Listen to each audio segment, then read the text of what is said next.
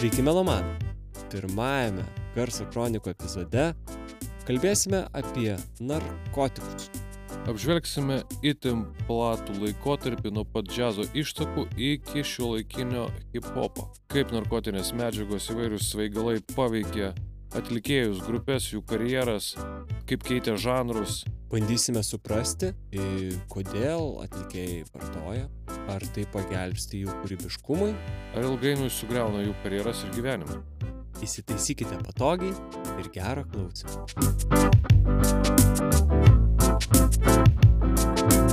Labas, Mindaugai.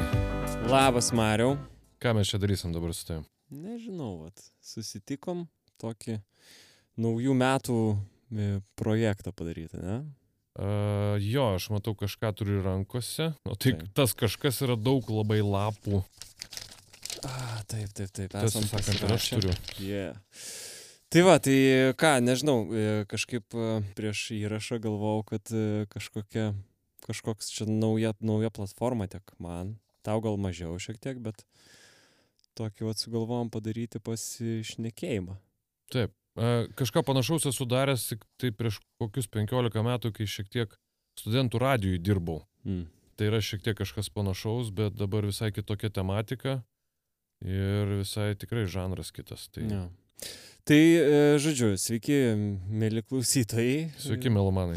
Melomanai, e, mano vardas Mindaugas. Aš Marius. E, Ir mes šiandieną pašnekėsime pirmąją mūsų epizodę. Mm, Tokia ganėtinai sunkia tema, kažkaip gal netiek sunkia, sunkia labai daug, e, iš labai daug pusių. Sunkia tuo, kad e, labai yra daug, ką galima šnekėti ir net ten vieną kokį žmogų pasiemus iš to, ką mes šiandieną šnekėsim, vien tik apie tai galima padaryti pilną epizodą. Bet kartu sunku, sunki tema tuo, kad jinai yra hmm, mm, slidi tema. Tai ir psichologiškai sunki tema iš tikrųjų, nes bent jau aš kiek ruošiausi, ruošiausi apie tuos uh, muzikantus, atlikėjus, asmenis, kuriuos žinau ir anksčiau, bet kai renki šaltinius konkrečiai šiai temai, apie tas jų priklausomybės, kančias, uh, galbūt ir kūrybiškumą iš to gimstanti, buvo sunku psichologiškai įsijausti tų žmonių mhm. gyvenimus, nes na, daugelio jų tie gyvenimai pasibaigė pakankamai tragiškai liūdnai. Jo, jo, turėsiu labai daug pavyzdžių su tragiškais ir, ir gal šiek tiek ir optimizmo pabandysim įpūsti. Bus ir jaukų šiek tiek. Jo, tai aišku, visą laiką, jokai yra gerai.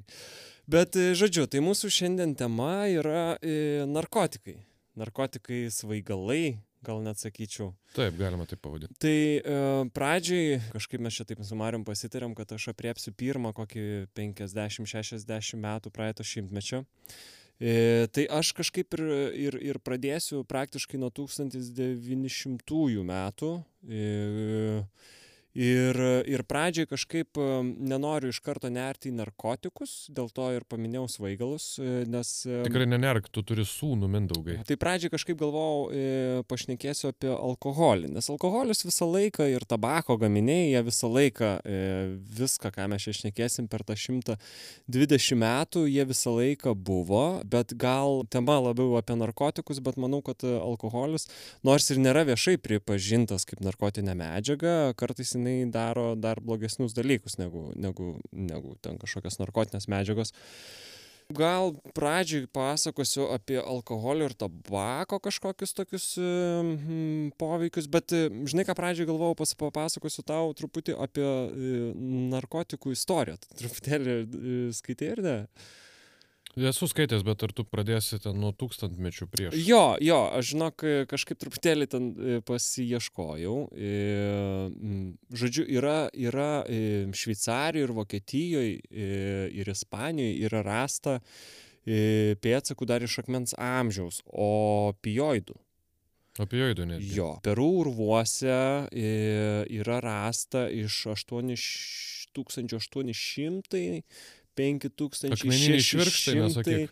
E, Ne, yra e, psichodelinių medžiagų, kaktusų. Ir yra žinoma, kad ir Azijoje buvo naudojami grybai.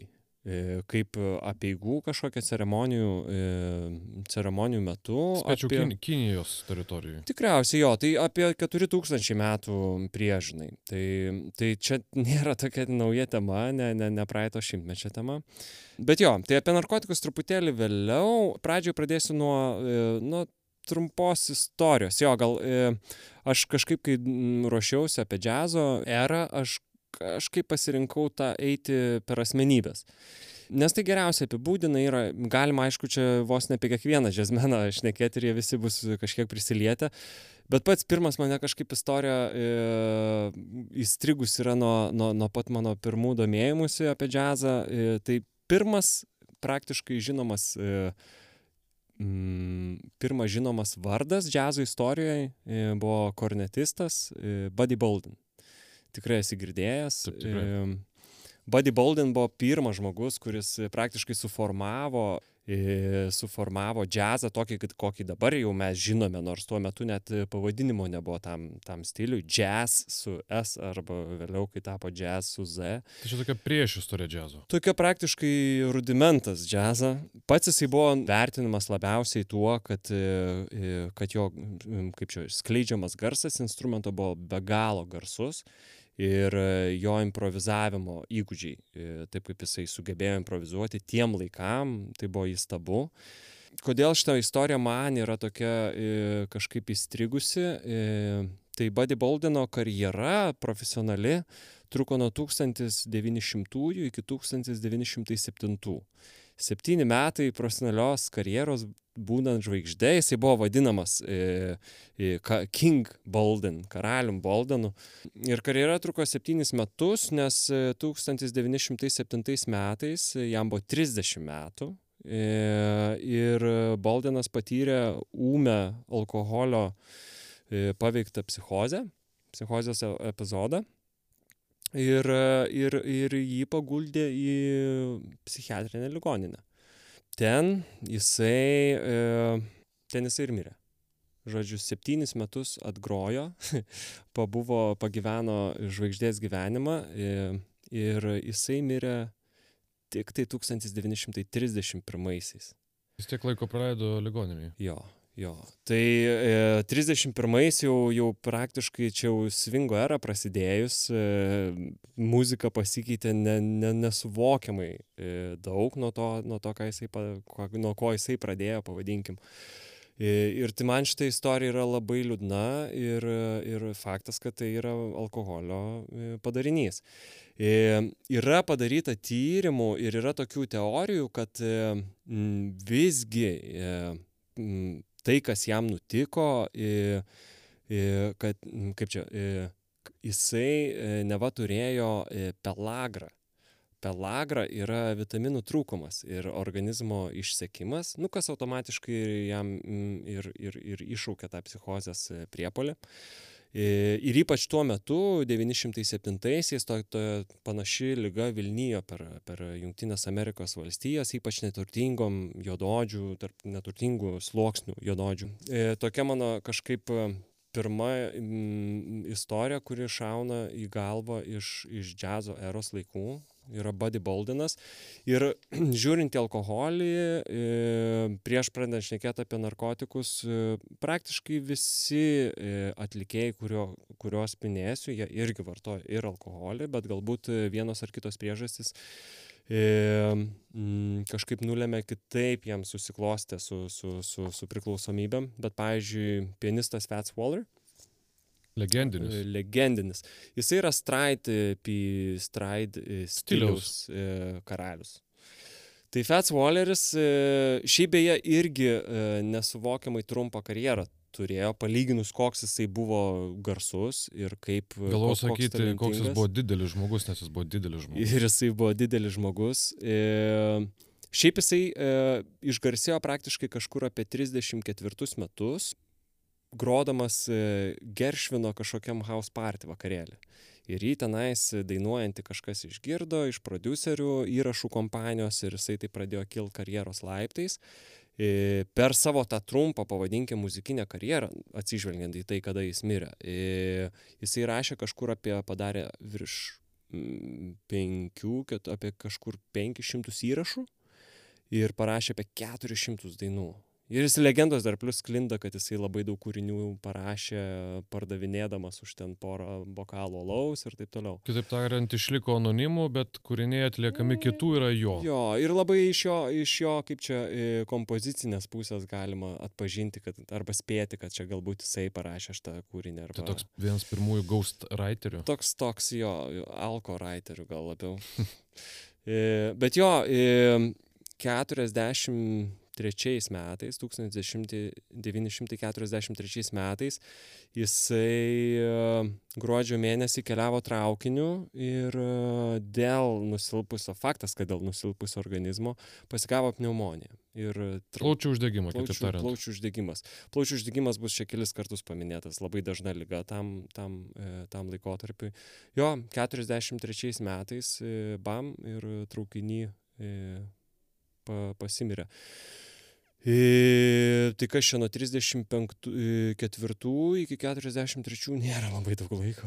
Aštuoneri metai. Aštuoneri metai. Jo, per tiek, per tiek padaryti tą, ką jis padarė, yra wow, bet kartu yra labai liūdna. Ir e, skaičiau, yra labai gera e, Eddie Condono, e, tokio gitaristo iš Čikagos, e, biografinė knyga, kurią jis pats parašė.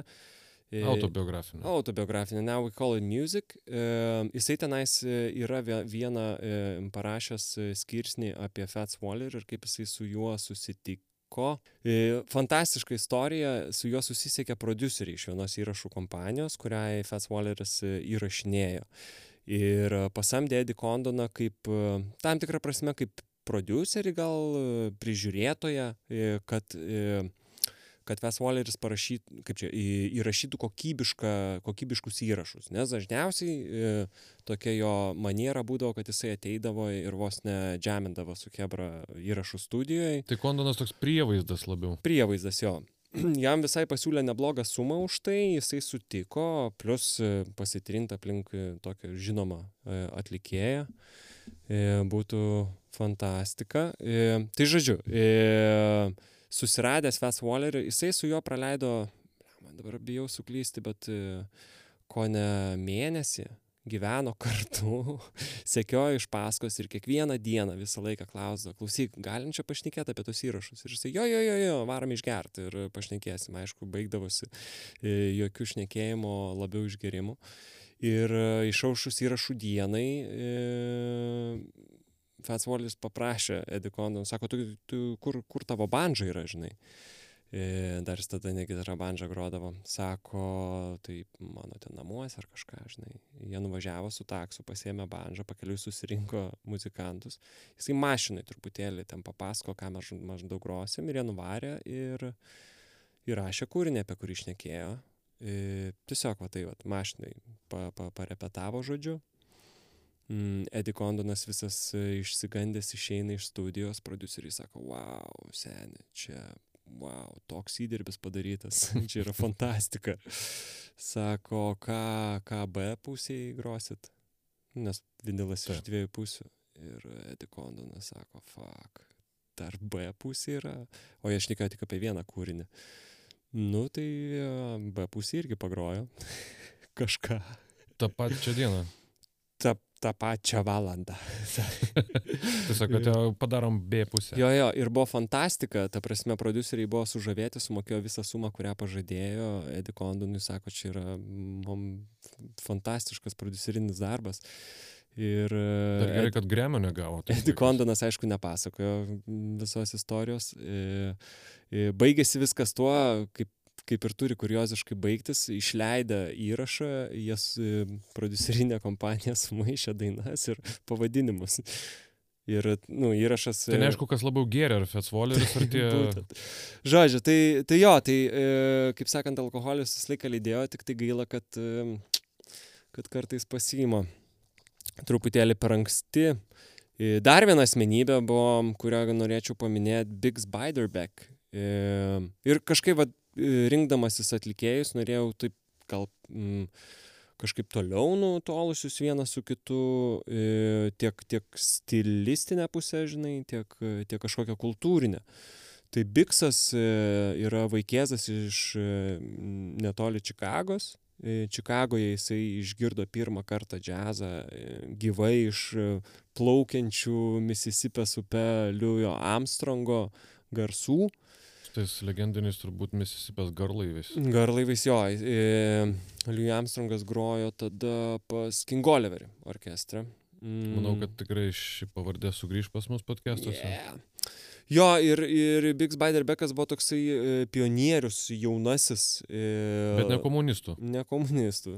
E, jaunasis pionierius, kuris, e, kaip čia, mm, gal, gal labiau e, sakyčiau, jo indėlis buvo supažindinti mm, su tuo hot jazz, mm, kaip čia nenoriu rasistiškai nuskambėti, bet baltąją visuomenę. Bet tai buvo tada. Taip, taip, nes tuo metu kažkaip, bal, kaip čia, ba, baltieji labiau klausė tokios fokstrotinės muzikos ir hot jazz. Jo, ir hot jazz, tai, ką grojo Neorleano Hebra, buvo toks labiau mm, neliečiamas vaisius. E, jo, tai Bigs Beiderbeckas e, irgi 17 metų pradėjo maždaug groti jau e, ganėtinai profesionaliai. Turėjo labai aišku, aišku gryną toną ir tuo, kaip čia, vienas pagrindinių dalykų, dėl ko jis išgarsėjo, tai savo skambesiu. Bet karjera truko 10 metų ir 28 metų nuo alkoholizmo e, padarinių ir suvarytos sveikatos e, mm, numirė. Spėk, nuo ko? Nuo plaučių uždegimo. Taip, pneumonija. New York'e, Queenso rajone savo, savo butelį liūdnai ir vienišai. Dar toksai e, mm, muzikantas Charlie Christian, gitaristas. Tavo mėgstamas, kiek, kiek Mano pamenu. Labai, labai mėgstamas. E, Charlie Christian buvo juododis e, gitaristas, kurį beje į, kaip čia, į viešumą į, į, į, iškėlė Benny Goodmanas.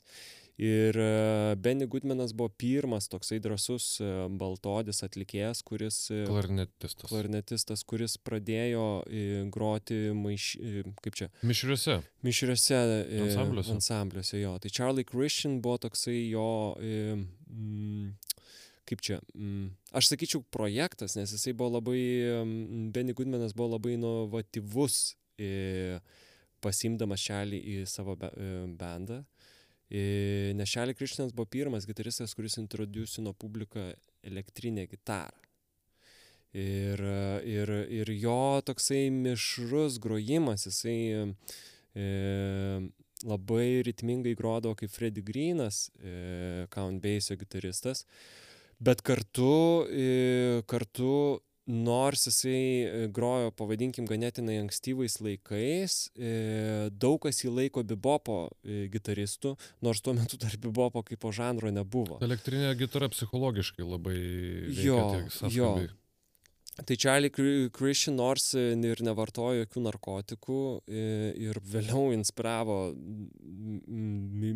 šimtus gitaristų groti taip, kaip jie vėliau grojo, bet jį gyvenimas kelyje su Benny Goodmanu nustekeno ir, ir, ir, ir alkoholizmas ir, žodžiu, jį privedė prie tuberkuliozės. Žodžiu, sanatorijoje jisai 42 metais mirė būdamas 25 metų. Man mindaugo, aš įsterpsiu visą laiką labai keista, vėliau pakalbėsim dar ir apie klubą žymųjį. Aha. Man to, taip yra labai keista, aš kartais, e, kai klausau savo tos mėgstamus atlikėjus, skaitau jų istorijas, jie atrodo tokį ilgą, turiningą gyvenimą pragyvenę, tokį sukaupę tokio subrendimo, kartais tokie kaip mokytojai, krikštatėviai tau atrodo. Aha. O tu pasižiūri, kad jie dabar tau būtų vaikiai. Na, mes jau nu, artėjom link 40 ir dabar atrodo tas Pas ja. Kobeinas, apie kurį šiek tiek pakalbėsim. Tai, tai. Jis buvo vaikis tiesiog. Jo, jo. O toks ilgas gyvenimas. Tai... Ir, ir čia šiaip dar irgi teko bendrauti su muzikantais ir vienas paklausė manęs tokio retorinio klausimo. Kaip galvoju, Freddy Mercury's, jeigu būtų gyvas, kokią muziką jis kurtų. Skau, aš gal net nenoriu galvoti, kokią jis muziką kurtų, palikim legendas. Tai... True. True. Jo, jo, jo, jo, tai kad ir tas pats Charlie Christian, blemba, 25, 25 jau jisai. Snarglium vadintumėm su visą pagarbą. Taip, nešiotų mm, dėklus nuo ne, negrotų. Taip, išrinktų laidus visus. Jo, jo, jo. Gal iš tokių paskutinių e, e, Nat King Cole, e, nuostabus vokalistas ir pianistas, e, kuris beje toksai buvo, jisai pradėjo koncertuoti praktiškai tuo metu, kada, kada Fats Walleris e, baigė koncertuoti. Nu, kaip čia, sus, sus, susikeitė tarytum, tarytum kėdėmis. A, Ir jisai pradėjo koncertuoti dar būdamas 17, ganėtinai anksti. Jo e, pirmas toksai, žinai, hitas buvo Straighten Up and Fly Right, kuris, nu, vėliau ten visi perdainavo tą kūrinį. E, Bet e, jisai Kem trečiais e, pardavė pusę lemo kopijų to įrašo. Man atrodo, Kaip tiem laikais yra kosmosas. čia yra kosmosas. Ir jam tuo metu buvo 24 metai. Žiauriai, jam, nu irgi O jis uždirbo įdomu už to, ar tais laikais irgi produceriai viską A, pasimdavo? vat e, sunku pasakyti, čia ir galima bus atskirą laidą padaryti apie, apie, apie, Apie pinigėlius. Apie pinigėlius. Oi, tai kaip eis apie mūsų žinomas MC Hammeris toj temui. Jo. Viską praradęs. Jo, tai ke- net Kinkaulas, e, matai, turėjo kitą, e, kitą tokią įsivaizdavimą, kad jo balsą unikalų padaro rūkimas. Ir Na, jis taip fet, romantizavo Jis taip rūkymą. romantizavo rūkimą ir pešė cigaretės e, nesustodamas ir 65 metais e, mirė nuo ko, Mariau? Nuo pneumonijos. Ne, nuo plaučių vėžio. O, čia jau kitas, kitas ly- lygis. Jo, jo, nuo plaučių vėžio šiam penktais e, jam buvo kem šeši metai. E, Tai dar pagyveno. Dar žmogus. pagyveno, jo, bet, bet vėlgi šitoje vietoje įsitikinimas, e, aišku, me- mes čia ne medikai ir negalim sakyti, kad būtent cigaretės jam sukėlė, bet, Bet statistika nepad, sako nepadeda kitką. tabakas, tai faktas. Jo, jo, jo, nu ir žodžiu, tai, e, tai uždarau temą su šitais, e, pavadinkim, e, lengvaisiais svaigalais, legaliais svaigalais. Ir taip einant tiesiai prie nar narkotinių medžiagų, kažkaip susidariau tokį vaizdinį, kad džiazo, džiazo eroje arba, sakykime, nuo 1900-ųjų, jeigu taip eiti laikotarpiškai, Mm, tai, tai buvo tarytum tų narkotikų tokie epizodai. Pir, pirma tokia banga buvo e, marihuanos, e, tarytum, kaip čia populiariausias tas, pavadinkim, drug of choice. E, tada antras e, buvo opioidai, e, heroinas, nu ir jau ten po to nuėjo į, į psi, Psichodelinius. Psichodelintus narkotinius. narkotikus, jo. Tai e, kalbant apie marihuaną, e, pirmas dalykas galvojau visai įdomus ir aš šitą jau buvau atradęs, e, kai tik tai dar pradėjau domėtis džiazo muziką ir pradėjau klausytis labai daug džiazo kūrinių prieš kokį 15 metų. Atra, supratau, kad labai daug kūrinių mini marihuaną, bet, bet ne visą laiką tu žinai, kad tai yra minima, nes buvo labai daug slengo vartojama. E, tai nežinau, iš, e, užsirašiau porą tokių e, dažniausiai naudojamų, kai kurie ir dabar aišku yra naudojama, ten kaip pavyzdžiui e, gandžia. Mhm. E, e, Bet labai daug yra, nu, reefa irgi yra, dabar man atrodo, irgi kartais e, Tai naudojama. vadina taip. Reefa, jo. Bet buvo pora tokių, pavyzdžiui, muggles. E, Nemaišykite su Hario Poterio Ne, ne, ne, ne. terminologija. muggles, e, mez, mezroll, pavyzdžiui, mezroll yra suktinė, o mez yra kaip ir, kaip ir e, marihuana. E, tea, e, tiesiog arbata, Mhm. labai dažnai kūriniuose svingo naudojama. E, stick of tea, e, tai irgi suktinė. Ir, um, pavyzdžiui, alkoholis e, vadindavosi jitter juice arba jitter sauce, e, kur tave purto, žinai, nuo, nuo jo. Bet vieną labai šiaip ši- šitą pats iškontempliavau ir aš esu e, maždaug e, 80 procentų įsitikinęs, kad tai yra tiesa. Vienas iš slengo e, terminų yra viper. E, lietuškai tai vertinys būtų angis. E, ir viper, viperius vadindavo tie, kurie rūko žolę. Mm, ar galėtum pagalvot, kodėl vadindavo būtent Vipers? Nu, gyvatė suponuoja daug labai visokių metaforų, šnipštimas, rangimasis ir e, taip toliau. Jo, jo, tai aš irgi tą patį galvojau ir man kažkaip šovė į galvą šitas garsas, žinai. Mhm. Ir, Vėl e, Haris Poteris. nu, Vėl Haris Nu, Poteris. suprantat, žmonės mes įrašinėjom prieš pat kalėdas. Tai labai šventiška ir tema šventiška labai. Tai vad kažkaip pagalvojau, kad e, e, e, trau, įtraukimas e, dūmo kartais skamba labai panašiai kaip, Šnipštimas. kaip šnipštimas. Jo, ir kažkaip galvoju, gal čia yra viena iš priežasčių, kodėl, pavyzdžiui, pavadindavo, e, kilo toksai pavadinimas Viper. Smart. Jie. Yeah. Tai va, tai žodžiu, jeigu, mėly klausytojai, kada nors klausysite senų svingo gabalų, visokie Viper Mad, e, e, Reefer Man ir, ir, ir, ir kitokie pavadinimai slepia, arba e, yra dar su T kažkoksai, e, kažkoks T-ball. Žodžiu, yra labai... T42 buvo, bet čia ko gero ne, nes Ne, ten jau jau- jau čia too much būtų. Ten saloninis. Tai jo, tai kažkaip mm, pagalvojau, kad mm, pirmas žmogus, apie kurį norėčiau pašnekėti, va būtent Svingo eroj, e, kuris e, man kažkaip labai dažnai aš jį asocijuoju su, su marihuana, nors ne visi žmonės šitą žino, e, tai yra vienas iš, kaip čia, Svingo karalių, Louis Armstrongas.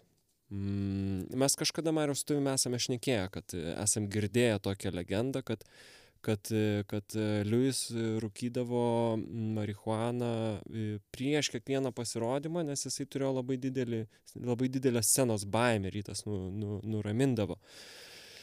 Bet e, nemanau, e, kaip čia daugiau pasiskaitęs, nemanau, kad tai buvo tiesa.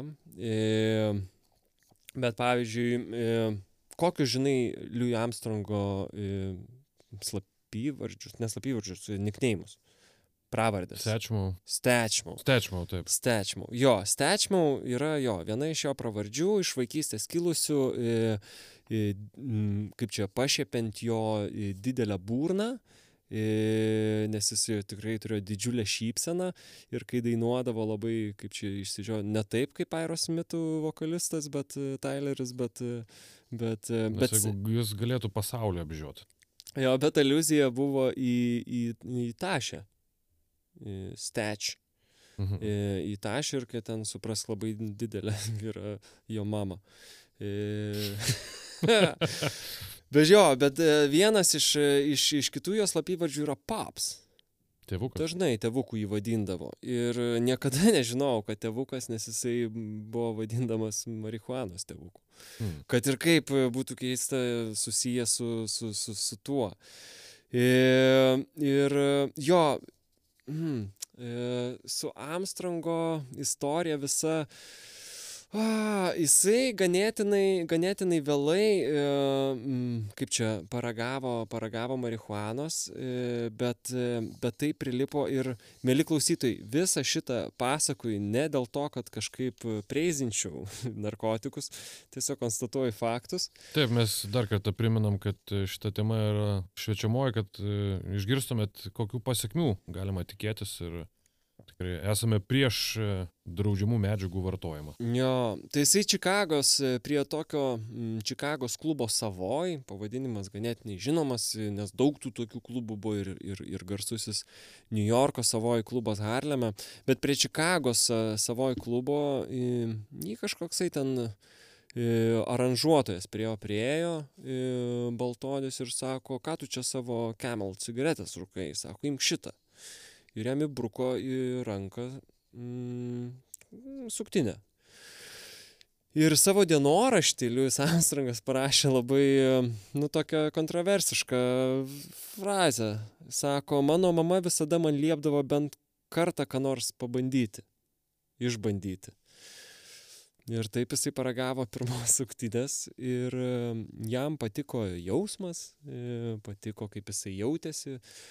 Ir laikui bėgant e, karjeroje atsirado tokios dainos kaip Muggle Song of the Vipers, Reefer Song, E, kiti atlikėjai irgi kūrė Reefer Man, Cap Calloway buvo, turėjo labai garsų Reefer Man, labai greitas gabalas. Fats Walleris parašė Reefer Song, Mez Mezro, e, Send in the Vipers. Ir taip toliau, ir taip toliau. Benny Goodmano Texas Tea Party, kur tikrai ne apie arbatos vakarėlį yra dainuojama. Tai žodžiu, daug tokių kūrinių ir, ir Armstrongas buvo labai didelė to dalis. Ir uh, savo karjeroje, jau kai jisai pradėjo solo karjerą, jisai turėjo e, ypač muzikantai, trimitininkai, kurie analizuoja labai Armstrongo kūrybą, žino jo skirtingus sąstatus, Hot 5, Hot 6, Hot 7 ir taip toliau. Tai e, būtent su Hot 5 jisai buvo tokį ultimatumą iškėlęs, kad prieš kiekvienas įrašus turėjo visą grupę parūkyti marihuanos. Jo. E, bet, bet tiek jisai pats, e, ir čia yra labai svarbus, man atrodo, momentas, tiek jisai pats e, autobiografijoje sakė tiek žurnalistai, kurie jį kalbino. Mm, Liujis niekada nesakė, kad, kad narkotinės medžiagos jam kažkaip padarydavo į kūrybingesnių arba, arba geresnių atlikėjų jisai vienodai gerai grodavo ir kaip čia sober. Blaivus. Blaivus, tiek, tiek, tiek, tiek paveiktas medžiagų. Jo, ir yra kelis kartus jisai ir susidūrė su teisės sauga. Kelis kartus sėdė, praktiškai jau sodinamas į kalėjimą, bet tu, kadangi turėjo daug, kaip čia, įtakingų e, draugų, nes jau buvo visiškai A klasės e, žvaigždė, tai jam pavykdavo išsisukti, net yra vieną kartą e, žmoną pakišęs, kai keliavo. Jo, jo, jo, keliavo iš e, Japonijos ar į Japoniją e, koncertuoti. Ir, Bet jau vėlesni laikai, vėlesni tikrai laikai. ne prieš antrą pasaulį. Ir, e, jo, jo, ir, ir rado, rado ten kažkaip rado marihuanos. Žmona prisipažino, kad čia jos buvo, o ne jo, taip ne, kaip ir subinį išgelbent, bet Bet netgi oficialiai jisai buvo kažkurio momentu mm, kažkuriuo momentu e, pasakęs viešumoje žurnalistam, kad aš jau viskas nebevartoju, nors visi tarp muzikantų žino, kad čia yra tiesiog e, kad toksai viešas biški nusiplovimas. E, Reputacijos munduro plovimas. Jo, tuo labiau, kad tuo metu, nu, ten 30-40 metais buvo toksai, kaip čia, nepavadinčiau, kad judėjimas, buvo išleistas filmas toksai Reefer Madness. Ir jisai buvo labai pro, pro, propagandinis filmas, nukreiptas. Jis 30 kažkėlintais metais. 34 gal ar, ar, ar kažkas tokio. Ir jisai buvo jo, jisai jo buvo nukreiptas prieš, prieš marihuanos rūkimą, kaip ten blogai ir taip toliau. Ir visuomenė labai daug kas tikėjo. Ir, ir, ir labai smerkė, smerkė net ir garsius atlikėjus, jeigu sužinodavo, kad, kad jie vartoja toksinės medžiagas. E, tai a, a, Armstrongas yra kažkurio metu savo karjeroje pasakęs, kad aš jau nebevartoju, nors, nors e, vėliau paaiškėjo, netgi vienos biografinės knygos e, neleid, e, neišleido, nes tenais tiesiog buvo per daug detalių apie narkotinės medžiagas. Jo, dar e, 34 metais Liusės iš, išleido kūrinį pavadinimu Viper Song. Angių daina. E, bet kai žmonės... E, Labiau su... kaip kokia meškėlos dainos pavadinimas. Bet kai žmonės suprato slengo paslėptą e, prasme, prasme jo buvo išimta iš, iš viso eterio. Ir, ir daug metų užtruko, kol gražino tą kūrinį atgal į prekybą. Ir viena iš tokių pagrindinių priežasčių 37 metais buvo įvestas marihuanos mokesčių įstatymas ir oficialiai buvo JAV e, marihuana uždrausta nuo 37.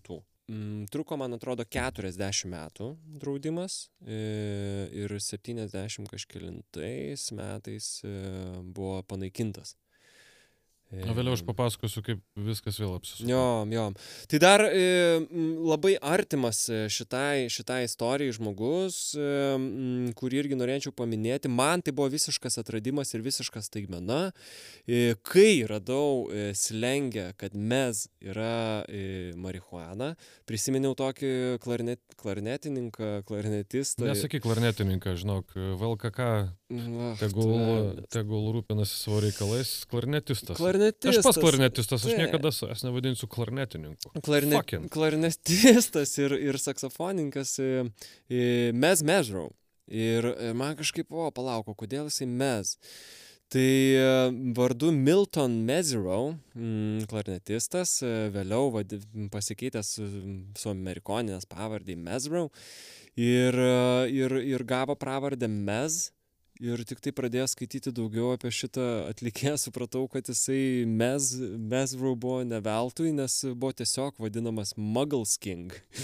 Geras velnias buvo. Geras buvo velnas. E, Ir su Louis Armstrongu jų keliai labai daug, e, kaip čia, Kirtosi. Kirtosi gera, nu, gera, gera, nežinau, kiek čia ge, gero dalyko narkotikose gali būti, bet, e, bet kirtosi labai daug ir mm, yra šaltinių ir biog, biografiniai knygoj. Mes Mezrau, kuris atvirai sako, kad buvo Louis Armstrongo dealeris. Asmeninis. Asmeninis, jo, jo. Aš mindaugai įsiterpsiu. Jo, jo. Apie stereotipus kalbant, ar ne? Kai buvai užsiminęs apie, apie, apie, apie Mezrau, buvau girdėjęs tik tai pavardę ir, ir pagūglinau.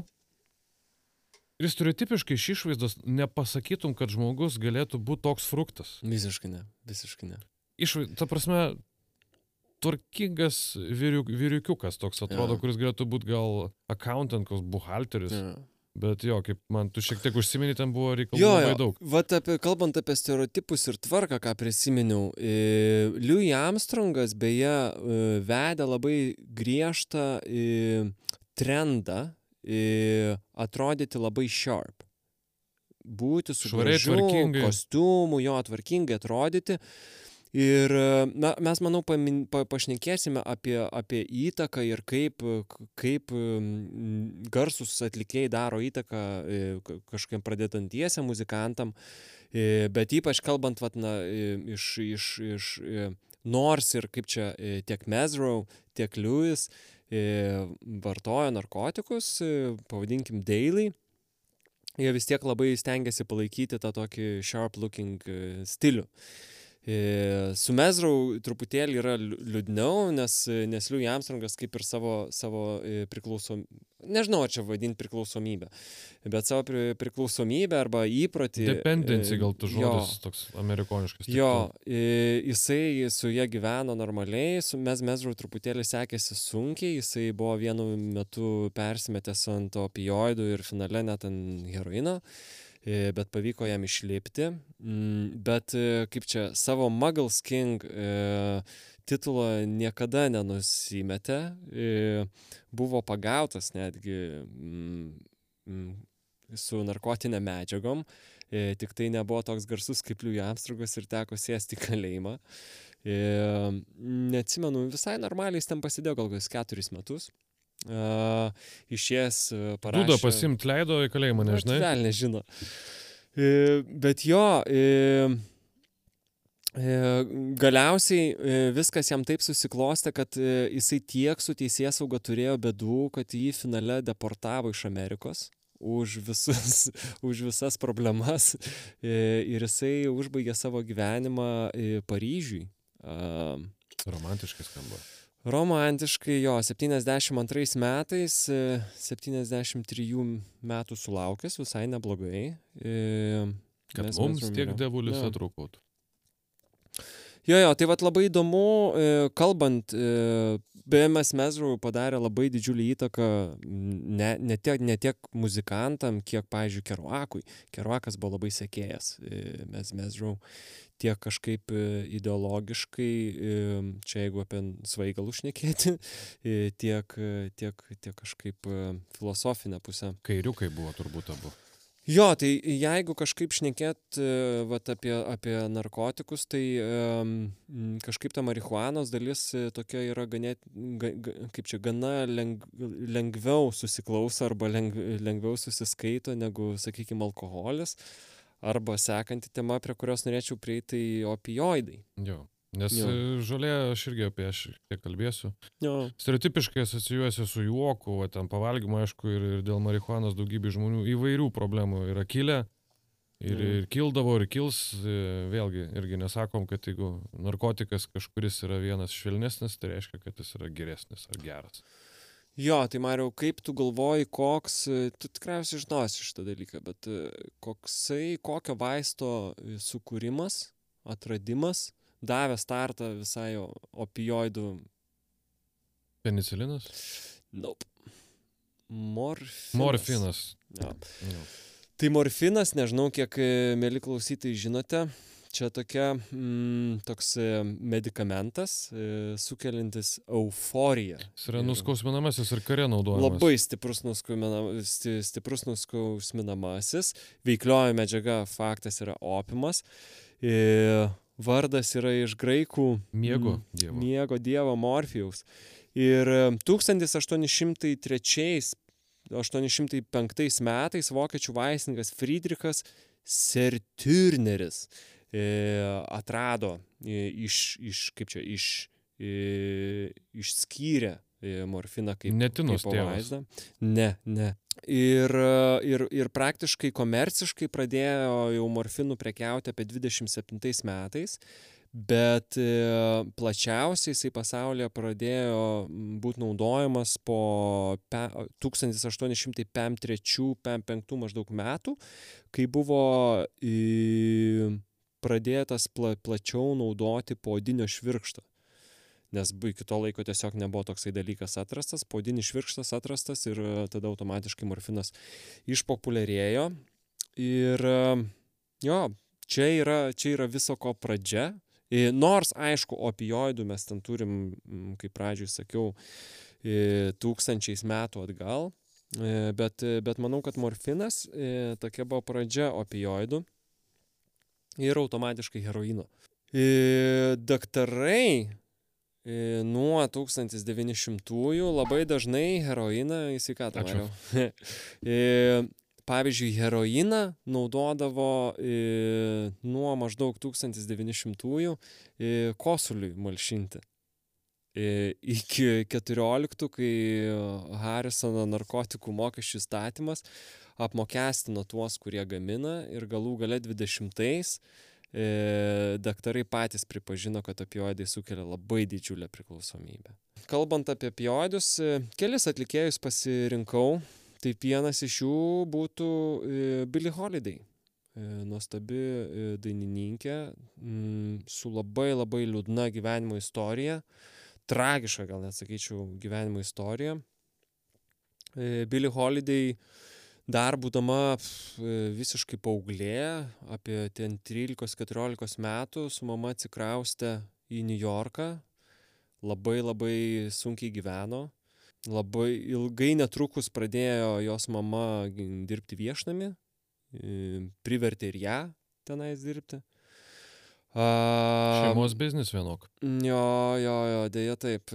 Žodžiu, bet apie 14 metų ją pagavo pareigūnai, apkaltino valkatavimu, e, mm, išsiuntė į darbo namus, nu tokį suprask internatą. Ir e, laikui bėgant, mm, kai jai buvo kažkur 3-3 metais, apie 18 metų, nustebau visai. E, buvo toksai labai labai garsus, tikrai Mariau, žinai šitą pavardę, Johną Hammondą. Taip. E, Jonas Hammondas, e, legendinis swingo eros produceris, išgirdo Billy Holiday dainuojant ir jisai praktiškai pastatė jos visą karjerą. E, Pirmus įrašus jinai rašė su Benny Goodmanu.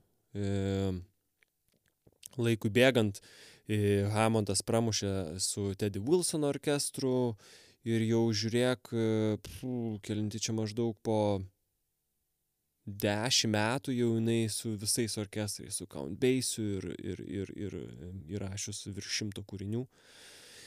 Ir e, lygtais ir karjera skamba, beje, su Arti Šo klarin, kla, klarnetistu, jo klarnetistu įrašė ir tai buvo pirma, pirma jododė atlikėja su, su baltuoju orkestru, su baltųjų orkestru įrašiusi.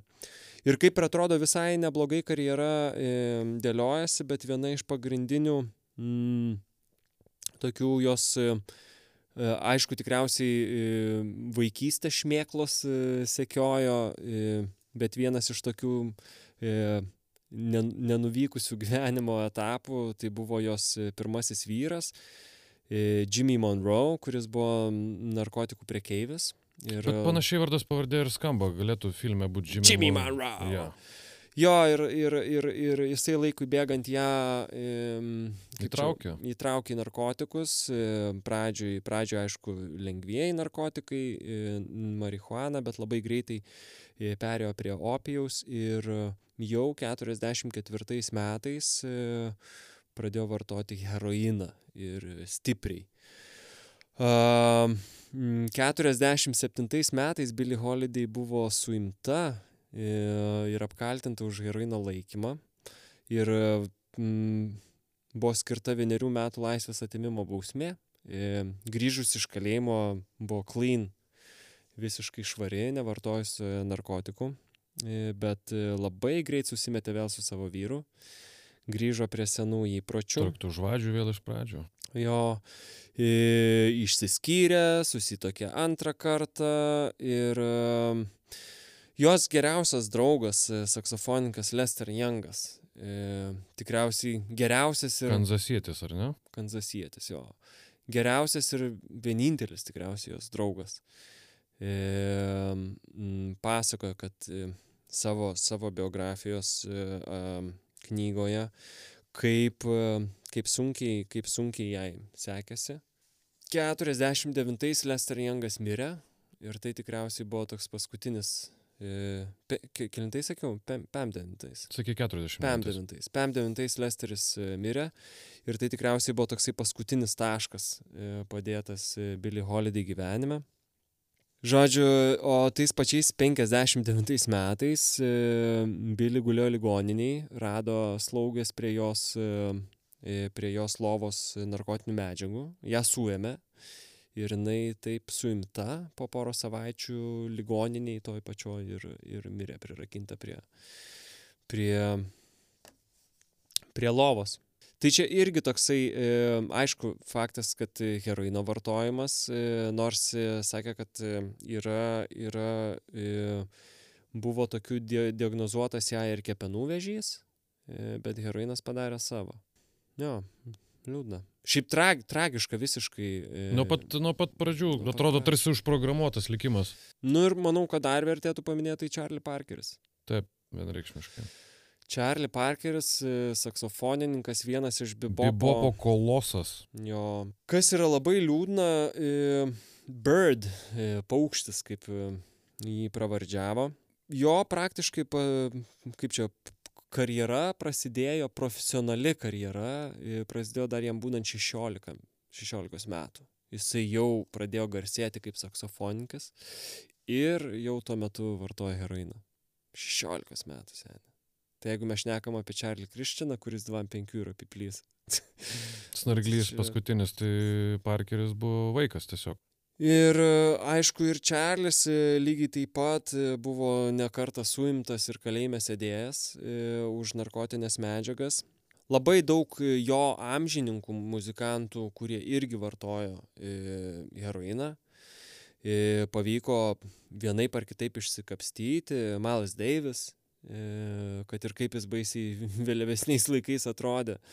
Miles Davis, biuros, aš nežinau, ar tai yra mitas, kiek teko girdėti, kad jis suprato, kad yra dugne, jis išvyko, man atrodo, į savo tėvų fermą ir beros paprašė, kad jį ten uždarytų vos net daržinėje, kurioje jis ten parų paras lapio sienomis, kol pagaliau išėjo mm. švarus, vėliau man atrodo, kad dar buvo kritęs į liūną. Bet jo, Miles Davisas irgi kovojo tą kovą. Jo, tas pats Herbie, Herbie Hancockas e, irgi puikiai Amžinatelis. Jenny Rollins, uh, Sonny Rollins tiksliau. Uh, E, jo, bet e, mm, bet matai, labai dažnai atsisakydami, sakykime, heroino arba ten stiprių narkotikų, labai dažnai muzikantai pakeisdavo tą alkoholį. Su Charlie Parkeriu jisai mirė, jam buvo tik tai 34 metai. Irgi velniškai jaunas. Žiauri jaunas. Kai Charlie Parkeris mirė ir jam padarė skrodimą, daktaras negalėjo patikėti, kad jam yra 34 metai, nes jo e, vidiniai organai atrodė, tarytum jam būtų 50-60 metų. Aš gal sakysiu, kad rado ateivį kaip per tą paskutinę teismo dieną. Ne. Kaip tas filmas vadinasi. jo, tai Parkeris, e, Charlie Parkeris gal tokia irgi viena iš liūdnesnių heroinų e, istorijų. Aš dar, vat, mindaugai pertrauksiu, aš atsiminiau, berots apie Čerlį, apie paukštį, buvo kalbama, kad kai vykdavo turnė, kai važinėdavo jie po, po, po, po Ameriką, nu tam autobusiukė tiek būdavo lėbaujama, kad e, prieš koncertą sunkiai ir be pakeldavo kartais kolegos Čerlį, nes tas pas Dizzy Gillespie, tas Bird and This, tai kuriejai, krikštatyviai, bibopo, dėse, e, Gillespie's trimitininkas buvo. Jis buvo pakankamai tvarkingas žmogus, toks labai, labai skirtingos, skirtingos yin-yang pusės ir teko Dizui smarkiai dirbti, kad savo bičiulį pakeltų, bet nepavyko. Aš manau, jie skirtingai prie, prie Edevelnių buvo, Dizigėlės pisira kepkelavai padūrės peilių. Čia kiti demonai. bet, bet jo, jo, ir Charlie Parkerio viena iš pagrindinių tokių priežasčių ir buvo, kad jisai tiesiog tapo... Į, unreliable. E, nepatikimas. Nepatikimas tiesiog kaip muzikantas, nes tikrai e, savo karjeros pabaigoje tiesiog nebe... nebe Pasirodydavo scenoje paprasčiausiai arba neišgrodavo. Jo. Jo, ir dar e, gal kažkaip e, kalbant vat, būtent apie tas e, stipresnius e, narkotikus, labai įdomu skaičiau straipsnį m, mm, tokio e, Charles e, Winnick. Jisai darė tokią klinikinę, klinikinę analizę džiazo muzikantų var, narkotikų vartojimo. Čia maždaug jisai paviešino tą straipsnį 59 metais, darė statistiką ir apskaičiavo, kad maždaug ten 56 metais New York'e buvo maždaug 5000 džiazo muzikantų ir iš kurių apie 7-800 e, buvo nuolatiniai heroino vartotojai. Praktiškai tai penktadalis. Tai praktiškai penktadalis. Tai čia full, full time. Uh, PEM ketvirtais, PEM penktais metais uh, apklausė 409 muzikantus dėl narkotikų vartojimo. Ir statistika yra tokia. Uh, vidutiniškai apklaustųjų amžius buvo apie 3-3 metai, ar ne? E, bet kas yra liūdniausia, e, kad vidutinė profesionalaus muzikanto pasirodymo trukmė, nu, kaip čia, scenoje pavadinkim, vidutiniškai buvo apie 13 metų. Tiek, kiek čia, trumpai tariant, kiek trukdavo vidutiniškai karjerą. Taip, taip karjera. Ir tai tada... mes jau esame ilgiau išsilaikę. Taip. Sveikinu. Wow. Jo, tai labai, liūd, labai liūdna statistika. Iš apklaustųjų 66 e, iš 80, jo, jisai apklausė maždaug apie 66 iš 89 populiariausių džiazo grupių New York'e. Nu, praktiškai statistika visai, nu, didelė, žinai. Didelė apimtis. Jo, ir e, iš jų 53 procentai vartojo heroiną, o 24 procentai vartojo atsitiktinai, o 16 procentų buvo nuolatiniai vartotojai. Žinant ypač Charlie Parkerio istoriją, ir šitoje vietoje aš visiškai iš tos dalies nesuprantu, e, mes tam daug diskutavom ir prieš laidą, ir, ir ne kartą apie tai, vat, kokį poveikį daro atlikėjai jaun, jaunosiom kartom. Nes labai daug e, e, muzikantų, džiazo muzikantų e, pradėjo vartoti narkotikus dėl to, kad norėjo, pradėjo vartoti heroiną dėl to, kad norėjo groti kaip Charlie Parkeris. Matai, paprastoji psichologija, kai, kai jie ieškodavo priežasčių, kodėl, tarkim, vienas ar kitas muzikantas yra toks geras, toks unikalus, toks savitas, jiem galbūt neužtekdavo to, ką jie išgirdavo ar matydavo scenoje. Pradėjo turbūt domėtis biografiją, gyvenimo būdų, bruožais ir panašiais, ir panašiais dalykais. Ir tarkim, atradę tai, kad jis vartoja kažkokias medžiagas, Yeah. galvodavo, nu, tai yra jauni žmonės. Ne, nebrendę protai ir kad tai ta, tarsi kažkokia stebuklinga ambrozija, kuri suteikia gantiškų galių groti taip, kaip grodavo jis. Jo. jo nors Šelį Parkeris yra pasakęs irgi, kad, e, kad e, jisai negroja geriau, kai yra apsinešęs. E, Turbūt paprasčiausiai, kai apsinešęs iš vis negrodavo. Manau, kad grodavo ir net neatsimindavo, ką groja. Bet turiu menį, kad nubūdavo, kad jis net tiesiog nepasirodė. Jo, jo, čia, čia, jo, čia jau yra dugnas. E, Nors Louis Armstrongas e, yra, yra minėjęs savo, savo biografijoje, kad jisai e, marihuaną rūkydavo mm, užsimiršimui.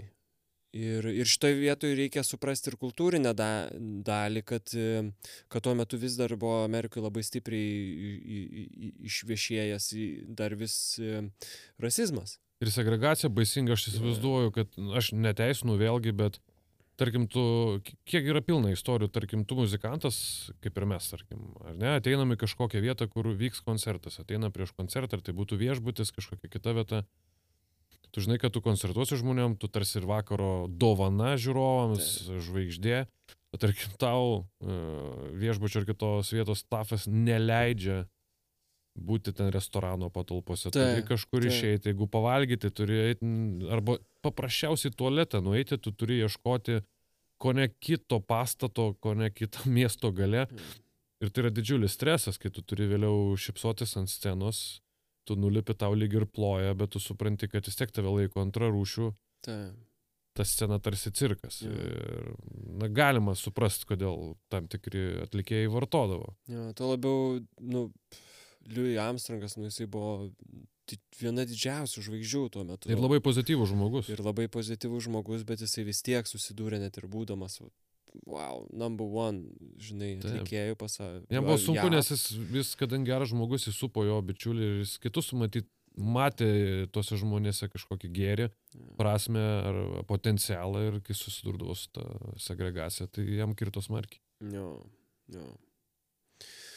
Jo, nu ir šitoj vietoj, ką žinau, norėčiau pereiti į, į, į 60-uosius. Džiazas e, miršta, e, svingas miršta, džiazas e, eina kčiortų su heroinu. Na, iš tikrųjų, tai merdimo laikai, aš manau, kad e, man labai domina tema tokia žanrų žūtis, kaip miršta žanrai ir, ir, ir yra, kad vieni žanrai nužudo kitus, ar, ar jie dinksta dėl kitų priežasčių, manau, kad panagrinėsim kitose laidose. Jo, jo, jo. Jo, tai, e, tai, tai e, kas, kas susiję su sintetiniais narkotikais arba ta vadinama psichodelinė era, psychedelic era. E, Tai čia labai daug, labai, labai sudėtingas laikotarpis, nes jis yra kultūriškai labai sudėtingas. Labai kultūriškai revoliucinis laikotarpis. Mes turim feminizmo labai didžiulį judėjimą, juodosios jėgos judėjimą ten su, su, su Black Panthers ir taip toliau, e, aplinkosaugos judėjimą. E, Tai čia nais pa, pa, pagrindinis toksai hip, hipių, žinai. Medžių glebeščiuotojų, kaip juos taip vadindavo tais laikais. Jo, ir um, i, seksualinės revoliucijos laikotarpis. Ir- Išsilaisvinimas, e, aš galbūt taip pasakyčiau, žmonės, e, žmonės pavargo nuo sistemos ir norėjo išsivaduoti, nes jaunimas iš tikrųjų labai progresyvus tais laikais. Jo. Buvo modai ir, ir visi kiti. Jo, ir tas judėjimai. labai ir muzikai girdisi, žinai, jeigu mes prieš tai turim prieš, prieš karą, pavadinkim, ir karo iki antro pasaulinio karo pabaigos, jeigu mes turim, žinai, pagrindinė pop muzika yra džiazas, svingas, žinai, kur viskas skamba taip mellow gay, žinai, tipo, haha. E, arba kaip tik bliuzas, kas yra labai, žinai, tipo, toks liu, liu, liūdna muzika labiau. Mm, aišku, ten nešneku apie dar paraleliai yra folko ir country, country muzika. Klasikinė muzika to. Klasikinė jo. Bet 50-60 atsiranda e, rock and rollas, atsiranda rokas. Rock rollas gal sakykime, rockabilly judėjimai ir taip toliau. Ir, ir, ir toksai maištavimo, maištavimo e, laikas. Ir vien, viena iš tų pagri- tokių revoliucijų, revoliucijų laikų ir revoliucijų, kaip čia pasiekmių, yra e, psichodeliniai narkotikai ir sintetiniai narkotikai. Tai aišku, pagrindinis tai yra LSD, lizergo rūkšties dietilamidas. Taip. Šiaip su LSD visiškai nieko nesidomėjau iki šiol. E, Kažkaip e, žinau, kad toksai narkotikas yra, e, bet buvo man visai įdomu, kad puh, LSD, ar žinojai, Mariu, kad LSD e, susintetino toksai daktaras Albertas Hoffmanas, e, šveicaras, e, 38 metais. Netyčia. Ir e, laboratorijoje savo e, suprato e, haliucinogeninę tą savybę, kai netyčia kem trečiais metais, e, mm, 16 balandžio, e, jam ta susintetina, susintetintas lašelis e, nukrito ant odos. Ir jį tiesiog, e, na, pradėjo vilkt gerai. tai e, įdomus faktas, kad balandžio 19, kem trečių metų, šiaip balandžio 19 yra laikoma dviračio diena, Mariau. Ar žinojai, tarptautinė dviračio diena. Aš žinau žmonių, kurie turėjo pravardę tokią. O, dviratis. papa. Tai jo, Mariu, ke, e, balandžio 19 yra tarptautinė dviračių diena, dėl to, kad e, e, ponas Albertas Hoffmanas sugalvojo padidinti dozę iki 250 mikrogramų ir turėjo labai gerą kelionę važiuodamas dviračiu. ir nuo to laiko LSD fanai yra literaliai pr- praminę šią dieną dviračio diena. Good to know dabar. Good, good to know. Jo, aišku, e, apart LSD mes turime labai daug visokiausių e, mm, e, kitų haliucinogeninių, e, e, ka- tos pačios kanapės vėl, vėlgi yra e, populiarios. E, vienas iš tokių e, yra pejota. E, pejota tai yra toksai haliucinogeninis e, e, narkotikas, kurį iš kaktuso išgauna. E, Ir jisai turi meskalino. Meskalinas irgi yra kaip atskira medžiaga, bet, bet tiek pejota, tiek meskalinas. E, Ir, ir, ir, ir ką, ir net čia ko slėpti, kad visgi muzik, muzikantai išpopuliarino šitos, šitos, šitas medžiagas. Gal pirmi, kuriuos norėčiau paminėti, yra bitlai. Greit išgarsėjusi pop e, roko e, grupė, e, kuri netgi savo dar 72 metais Jonas Lenas yra parašęs, pastebėjo, kad jų albumas Rubber Soul buvo marihuanos e, albumas, tai visą tą albumą įrašė visiškai apsi, apsi, apsirūkę nuo, nuo, nuo žolės, o Revolver e, albumas buvo e, rūkšties arba acid privartotas. E, tada žinom tokios Aš dar grupės- įsiterpsiu apie Revolver, kažkaip tik atsiminiau. Nu. Vienas tokių ryškesnių pavyzdžių eksperimentavimo bitlų. Tai dar 66 metai, tai pakankamai dar ankstyvas laikas bitlams, bet e, tam Revolver albume, jeigu klausytojai atkreips dėmesį, pasiklausys, paskutinis kūrinys yra Tomorrow Never Know. Tomorrow Never Knows. Mhm. Ir e, vėliau patys bitlai neslėpė, kad su LSD pagalba jie atrado, kad galima tas, tas juostas, į kurias buvo įrašinėjami instrumentai, atsukti atgal, padaryti tokį rewind. Ir didelė dalis e, kur, e, kūrinėje skambančių instrumentų skamba atgalios ir netgi gitaros solo yra, buvo įrašyta, vėliau sukama atgal ir patalpinta Mm, į kūrinį. Tai man pačiam buvo keista, nes 66 metai dar buvo... Ganėtinai inovatyvu. Taip, Jo, jo. Jo, bet tą pačią inova, inovatyvius tokius e, sprendimus dar ir tas pats Jimi Hendrixas, dirb- žaisdamas su stereo e, garsais, e, ganėtinai irgi buvo inovatyvu, bet kartu, kaip čia, davė labai daug peno klausytojam, pavartojus halicinogeninių medžiagų, klausyti to įrašo ausinėmis ar, ar, ar ten prie kažkokios sistemos prisijungus. Ir manau, kad irgi pagelbėdavo truputėlį kažkur nukeliauti. Tai jo, Jimi Hendrixas vienas iš tų atlikėjų, būtent 60-70, kurie, kurie su hipių judėjimais, kaip čia, masino masino hippie judėjimą, The Doors grupė, Grateful Dead, aišku. Ir prisidėjo prie Lietuvos nemažai. Jo, jo, Janis Joplin. Jo, bet miniu šituos vardus, nes, nes vėlgi tiek Jim Morrisonas. Iš The Doors. Iš The Doors, tiek Jimi Hendrixas, tiek Janis Joplin, netgi tas pats Bon Scottas iš ACDC. Šiuo atveju taip sutampa, kad visi šitie keturi vardai, jie yra ir 27 klubo nariai, kas tikriausiai jau tikrai klausytojai žinote, kad 27 klubo klubas yra atlikėjų garsių, kurie numirė 27 metų. Amy Winehouse viena iš jų. Bet, bet jo, visi šitie keturi, keturi asmenys savo gyvenimą pabaigė ne dėl to, kad sveikai gyveno. Džimas Morrisonas legenda sako, nors nežinau, kiek tai yra tiesa, bet legenda sako, kad jisai, jisai kaip čia priežastis mirties yra perdozavimas, bet legenda sako, kad jisai sumaišė heroiną su kokainu ir vartojo heroiną kaip kokainą. Jimi Hendrixas uh, Ir čia vat, kaip čia, jeigu, jeigu mes turime džiazo svingo eroj, turim pneumoniją, aš kažkaip vieną pastebėjau, kad kažkaip šeši, nuo 60-70 metai yra naujas tre, trendas, kaip pabaigti gyvenimą, tai Jimi Hendrixas yra vienas iš tų labai stipriai vartojo visokius, visokias narkotinės medžiagas, ypač LSD.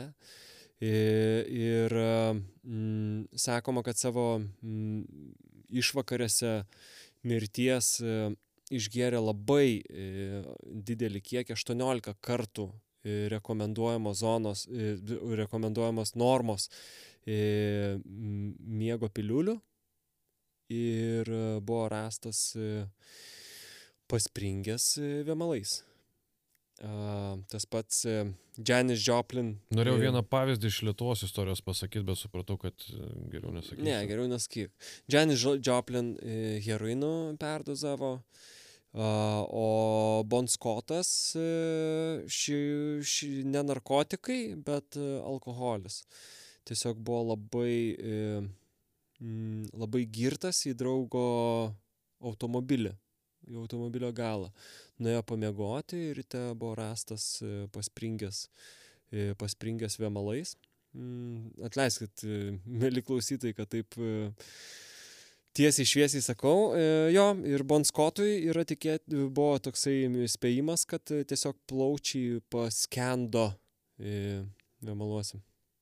Bet a, apart šitų visų, kadangi bandau taip į laikmetį dar pataikyti, apart visų i, narkotinių medžiagų, dar kartu, vat, kaip ir Jimi Hendrikso pavyzdys, buvo labai vartojama daug medicininių preparatų, ypač miego visokių piliulių.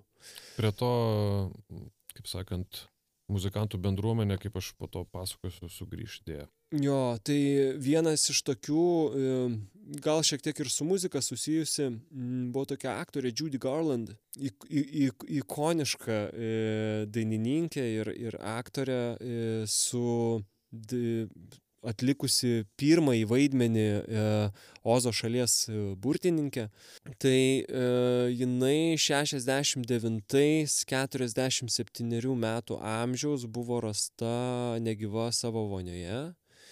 E, skrodimas parodė, kad, e, kad atsitiktinai perdozavo barbituratų E, žodžiu, barbituratai yra tokia vaistų grupė pagaminta iš barbitūro rūkšties, turinti mygdomai poveikį, slopina centrinės nervų sistemas.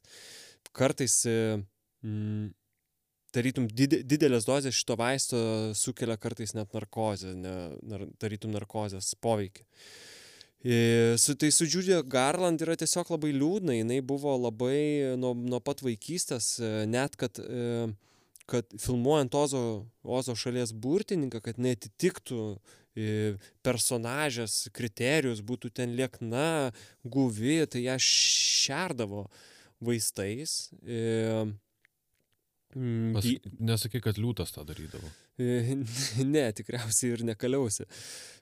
Bet jo, šerdavo vaistais, kad nei diena būtų energinga, ten, o, o, o tada vakare prišerdavo migdomųjų, kad, kad, kad mėgotų. Čia, tiesą sakant, irgi to ankstyvo Hollywoodo didelė problema, teko irgi skaityti straipsnių, kad e, čia labai ir su seksizmu susiję. Ne viena aktorė to auksinio Hollywoodo amžiaus vėliau yra sakiusi, kad mm, kaip ir minėjai, įvairiausi preparatai, medicininiai ir, kitas elgesys, na, tiesiog kartais jos jausdavosi kaip inventorius, o ne kaip pilnavertis komandos narys aktorius. Ne, ne. E, manau, kad prie to 27 klubo, apie kurį tu mindaugai papasakai, būtų labai tikės, čia gal ne, ne gražiaja prasme, bet Davidas Bovis. Aha. Londone gimęs Zigis Stardastas. Būtent jam 27 metai buvo 74-aisiais, kai jis atvyko į Ameriką. Prieš tai irgi buvo jo gyvenime laukinių naktų, bet jis apsiribodavo tavo minėtomis piliulėmis, alkoholiu, žolytę. Bet atvykęs 74 į Ameriką, jam tiesiog atsivėrė ir atvipo žandikulis, pamačius, kiek daug, kiek lengvai prieinama yra kokaino. Mm. Visoje aplinkoje, kurioje jis būdavo, kokainas tiesiog kalnais e, atsidurdavo ant stalų. Čia JAV. Čia jau Amerikoje, jo. Ir jis po to yra po to sakęs, kad iš karto užsikabino, iš mm. karto. Bet dėl savo nežinau, dėl savo būdo, dėl savo toks, koks jis yra, jis labai adiktyviu save mhm. laikė, nes, sako, bet ką, ką aš darydavau, aš užsikabindavau, kad ir pozityvus dalykai, tarkim, jeigu aš kuriu, tai aš beprotiškai kuriu iki tol, kol aš prarandu sąmonę. Čia kelinti metai? 74. O kas labai įdomu, kad, kad džiazo, džiazo laikotarpiu, ten kalbant apie Parkerio, Parkerio laiką, kai heroinas buvo pagrindinis narkotikas, kokainas džiazmenai sakydavo, kad vartodavo heroiną dėl to, kad kokainas buvo per brangus. Taip, šita per brangaus kokaino tema pas mane dar vėliau mhm. irgi, e, irgi atsiras. E, jis pradėjo vakarot, pradėjo lankytis klubuose, įrašų studijose su kitais tuometiniais žvaigždūnais ir jis pradėjo vartoti pieną su pipirais juodaisiais, ar ne? Mhm. Tai buvo vienintelis jo maisto šaltinis, gana ilgą laiką. Jis buvo labai sukūdęs tuo metu mhm. ir jį praminė Finn White Duke. Plonas baltas kunigaikštis. Tai supranti turbūt, kas yra ta plonytė balta linija. ir e, toks dugnelis buvo, kad ir jo net e, artimi draugai šiek tiek dėl jo išsigando, kai jis buvo e, Diko Kaveto šou, tokiam televiziniam. Mhm. Ir jis paprasčiausių klausimų nesugebėjo adekvačiai atsakyti. Užduodavo, tai kaip tau sekasi, kaip tau kūryba einasi. Ir jis nesugebėjo atsakyti tokius paprastus klausimus, kažkas libizavojo, mhm. žodžiu. Bet tai nesustabdė jo vartojimo, jo manijos ir tempas gyvenimo buvo jo žiauriai didelis. Jis dažnai skraidydavo tarp Los Andželo, New Yorko. O 75-aisiais pradėjo įrašinėti albumą Station to Station. Mhm. Dalis jo ja. fanų vadina ikoniniu albumu. E, bet tuo metu jis tiek vartojo daug kokaino, kad jam ne tik prasidėjo psichozė labai smarkiai, bet ir halucinacijos. Mhm. Jis buvo įsitikinęs, kad raganos mhm. nori pavokti jo spermą, yeah. apsinieštinti, pagimdyti nuo jo vaiką ir paukoti jį Luciferiui. Wow. Tai dėl to jis ir aplink savo lovą dažnai uždegdavo juodą žvakės Ir labai, tiesą sakant, čia įdomu, kad jis labai vengia susitikti su Led Zeppelinu gitaristų Peidžiu. Wow. Nes buvo įstikinęs, kad jis yra raganius. Kad Pe Jimmy Page'as yra raganius ir dėl to jis atves pas Bauvi ir tas raganas ir žodžiu, jo sėkla pavokta ir wow. tas aukojimas velnių įvyks. Um, yra nusišnekėjęs labai smarkiai, jisai viešai yra pavadinęs Hitlerį pirmąją roko žvaigždę. Labai pana- panašų į Jaggerį, jam Hitleris kažkom priminė į Jaggerį, E, jo labai gerą bičiulį, Rolling Stones lyderį. Wow. Bet, vat, kaip ir sakiau, nepaisant visko, tas albumas buvo eksperimentinis, atsispindėjo tas šaltumas, nuotaikų kaita, kas yra būdinga šiaip vartojantiems kokainą. Ir jo amžininkai, ir vėliau jo gerbėjai tą albumą vertina. Netgi kai kurie sako, kad jo balsas nėra taip gerai skambėjęs kaip tam albume. Mm. Uh, teko skaityti interviu su tuo metiniu Bauvio pianistu Maiku Garsonu ir sakė, kad uh, Davidas absoliučiai neturėjo jokios aiškios dienotvarkės. Jis galėjo miegoti iki trijų nakties, taiga atsikelti. Ai, beje, jis versdavo savo muzikantus būti šalia, gyventi arba studijos įrašų patalpose ar kažkur šalia ir jis galėjo trečią nakties tiesiog paskambinti, sakyti, renkamės įrašinėti. Po valandos sako, ne, man reikia dar pasidėti su šitą melodiją. Tada eikit, pavalgykit, pamiegokit ir tada jis atsikeldavo 11, sukėsdavo, ta prasme, tai buvo visiškas chaosas, kuris truko ne vieną mėnesį. Igi popas, irgi mūsų mylimas Igi Yeah. popas, geras velnas. Tai maždaug tuo metu, gal šiek tiek prieš tai, kurį laiką vienam bute jie Berlyne gyveno Mhm. su Bauviu. Jie ten irgi raganėjo žiauriai smarkiai. Ir vienos viešnagės e, jau New York'e metu, kartu su Iggy Pop ir dar keliais pažįstamais, įkliuvo, įkliuvo pareigūnams Mhm. keliasdešimt gramų žolės. Jiem Mm. pasisekė, kad tuo metu turėjo tik tai žolės. Ir jeigu, jeigu pameni, yra ta tokia ikoninė juodai balta nuotrauka, makšotas vadinamasis, kur toks visas gražus, žavus, e, plačių akių bauvis stovi prie tos senelės pareigūniniai. Ta. Tai tiesą sakant, sužinau, kad visai nesiniai originalią tą nuotrauką už 4000 e, kažkas nusipirko. 4000. Jo, at, Visai mažai. atrodo, man irgi pasirodė mažai. Labai mažai. Jo. E, Bet, e, ai beje, dar grįž, grįšiu prie melomanams, priminsiu, kad Berlyne, tam butelėje, kai jie ten su Iggy Popu raganėjo ir siautėjo, yra albumai Low Heroes Lust for Life. Įrašyti, kas, kas irgi yra ikoniniai. Taip, ir dėl kokaino Bauvis visą laiką jautė nepasotinumą alkisek Mm. Jis anksčiau yra sakęs, kad yra homoseksualus, kai tik tai Britanijoje buvo panaikintas, panaikintas baudžiama, baudžiamoji atsakomybė už buvimą gėjum, tai buvo Taip, kažkada Taip, Britanijoje. taip. Vėliau, kad yra biseksualus, vėliau iš vis apie savo orientaciją nieko nekalbėjo, bet buvęs e, Jis jo, Buvo tiesiog ateivis. taip, jis buvo tiesiog atėjus. Ir e, buvęs jo apsaugininkas yra pasakojęs, kad e, prieš kažkokį koncertą jis nesakė kokį, nes norėjo apsaugoti trečią asmenį orgijoje, frysome. Uh, tai Džageris, Bauvis ir kažkokia tuo metu garsi dainininkė užsidarė drabužinėje, drabužių spintoje e, ir labai patenkinti po kurio laiko visi trys iš tos... koncertuoti. Taip, išėjo padainuoti, pabranzinti gitaromis. Yra šnekama, kad ir su to pačiu Džageriu juos siejo daugiau negu draugiški jausmai, nors abu neigė mm, visą gyvenimą ir po, po, po buvo mirties kalboje Džageris irgi labai gražiai apie savo bičiulį Mhm. kalbėjo ir na, ta, ta tema viešai daugiau ir neišeidavo. Nu jo, kalbant apie narkotikus, tai Jaggeris ir, ir Keith Richardsas ir, ir, ir visa, visa, visa Rolling Stones hebra turi, turėtų turėti atskirą 3 valandų. Taip, aš ten laidą. priminsiu klausytojams, kad uh, Stonesų gitaristas yra minėjęs, kad yra suostę savo tėvo pelenus sumaišę su paraku ir kokainu. Taip, o...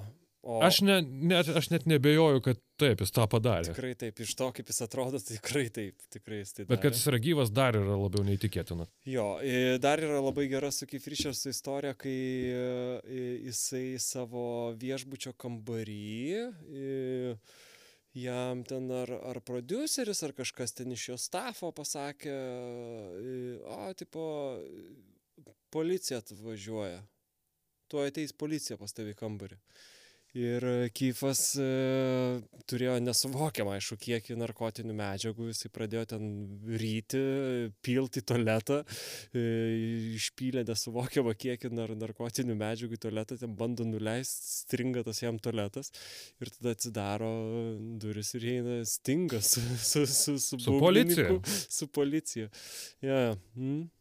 A, o baigiant apie Bauvį, tai kankinosi, kankinosi Davidas dar su, su priklausomybėmis, bet padėjo jam artimieji ir pats, pats suprato, kad tai tęsis negali ir, ir išklimpo galų gale. Jį, aišku, pričiupo, pričiupo lygos, galbūt jis būtų ir ilgiau išgyvenęs, jis 69 mirė. Mm. Mm, galbūt būtų ilgiau išgyvenęs, galbūt ir ne, bet bent e, džiugu, kad jis na, paskutinį bent jau ketvirtį savo gyvenimo tikrai gana, gana blaiviai yeah. praleido savo su artimaisiais ir mums atiduodamas dar nemažai geros muzikos. O trumpas, trumpas dar intarpas. Tuo metu, kai popai, Stonesai ir Bauviai siautėjo ir saugojo savo sėklą nuo raganų, iš pradžių Jamaikoje, po to ir mm, imigrantų rajonuose Londone pradėjo sklisti nauji garsai. Tai iš senojo, ne to, ką mes dabar suvokiam kaip ska muzika, bet to jamaikietiško ska atsirado regis. Ir puikiausiai žinom, kad e, regis yra tokia nacionalinė Jamaikos ir rastafariečių tikėjimo muzika, o rastafariečiai savo ritualuose ir gyvenimo būdų, kaip sakant, pagrindžia marihuanos rūkimą. Taip. Ir labai daug temų yra skirta tam ir uh, Jie netgi plaukus, e, plaukus taip formuoja, e, kad atspindėti suktinės. tar, tarkim taip. tarkim taip, čia aš sakysiu galimai. Uh, tai apie regi tiek. ne. Ne, iš tikrųjų viskas, viskas ten kaip ir aišku, pozityvi muzika, viskas turkoja, bet kas man šiaip apie regį įdomu, kad dažnai neatspindi tas pozityvus tie akordai ir melodijos tų temų, kurias plėtoja regio muzikantai, tai irgi yra apie rasizmą, segregaciją, apie emigrantų gyvenimą Londone, apie, apie tos uh, žuvusius uh, jamaikiečius kovoje už nepriklausomybę, uh, bėgant iš imperijos.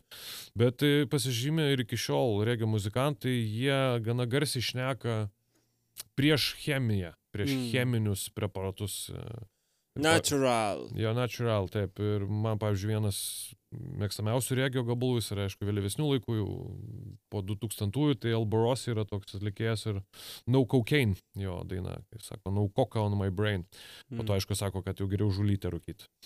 Bet e, jo, regio muzikantai dažniausiai pasižymėjo tuo, beros gal net ir religija rastafariečių neleidžia vartoti tų, tų blogųjų anuot jų narkotikų. E, Tuo metu visiškas antipodas regijui ir saulėtai Jamaikai, tai yra purvinos Anglijos didmešių gatvės ir užgimęs tenai būtent pankrokas. Mm.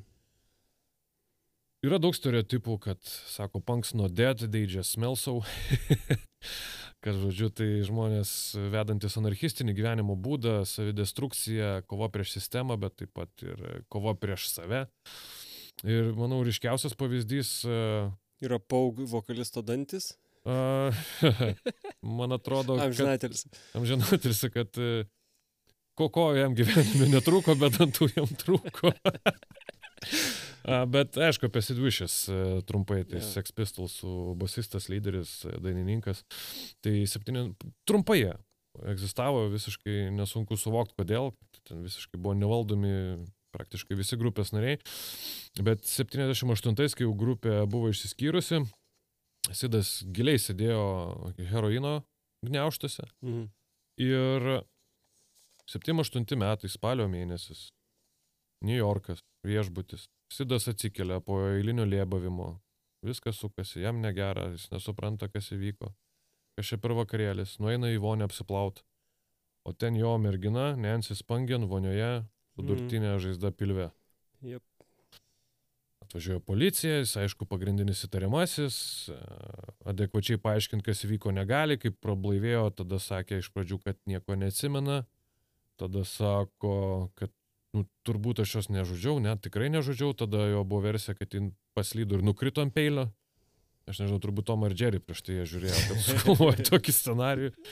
A, bet e, neįkišo į areštinę kažkodėl policija. Iki teismo jis laukia laisvėje.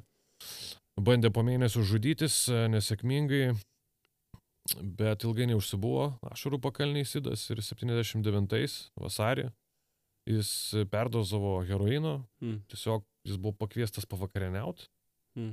ir tiesiog va taip vakarienės metu grįžęs iš toleto, žodžiu, jis parkrito ir kas yra žiauru, kad jis perdozavo, perdozavo heroiną, kurį buvo pasiemęs iš savo motinos. Mm. Buvo jo motinos heroinas, kuris jį pražudė ir tai aišku, sugniuždė jo motiną ir po kremacijos e, Sidovišės mama išbarstė e, savo sūnaus pelinus ant galbūt ir jo paties nužudytos merginos Nensės e, Mm. kapo.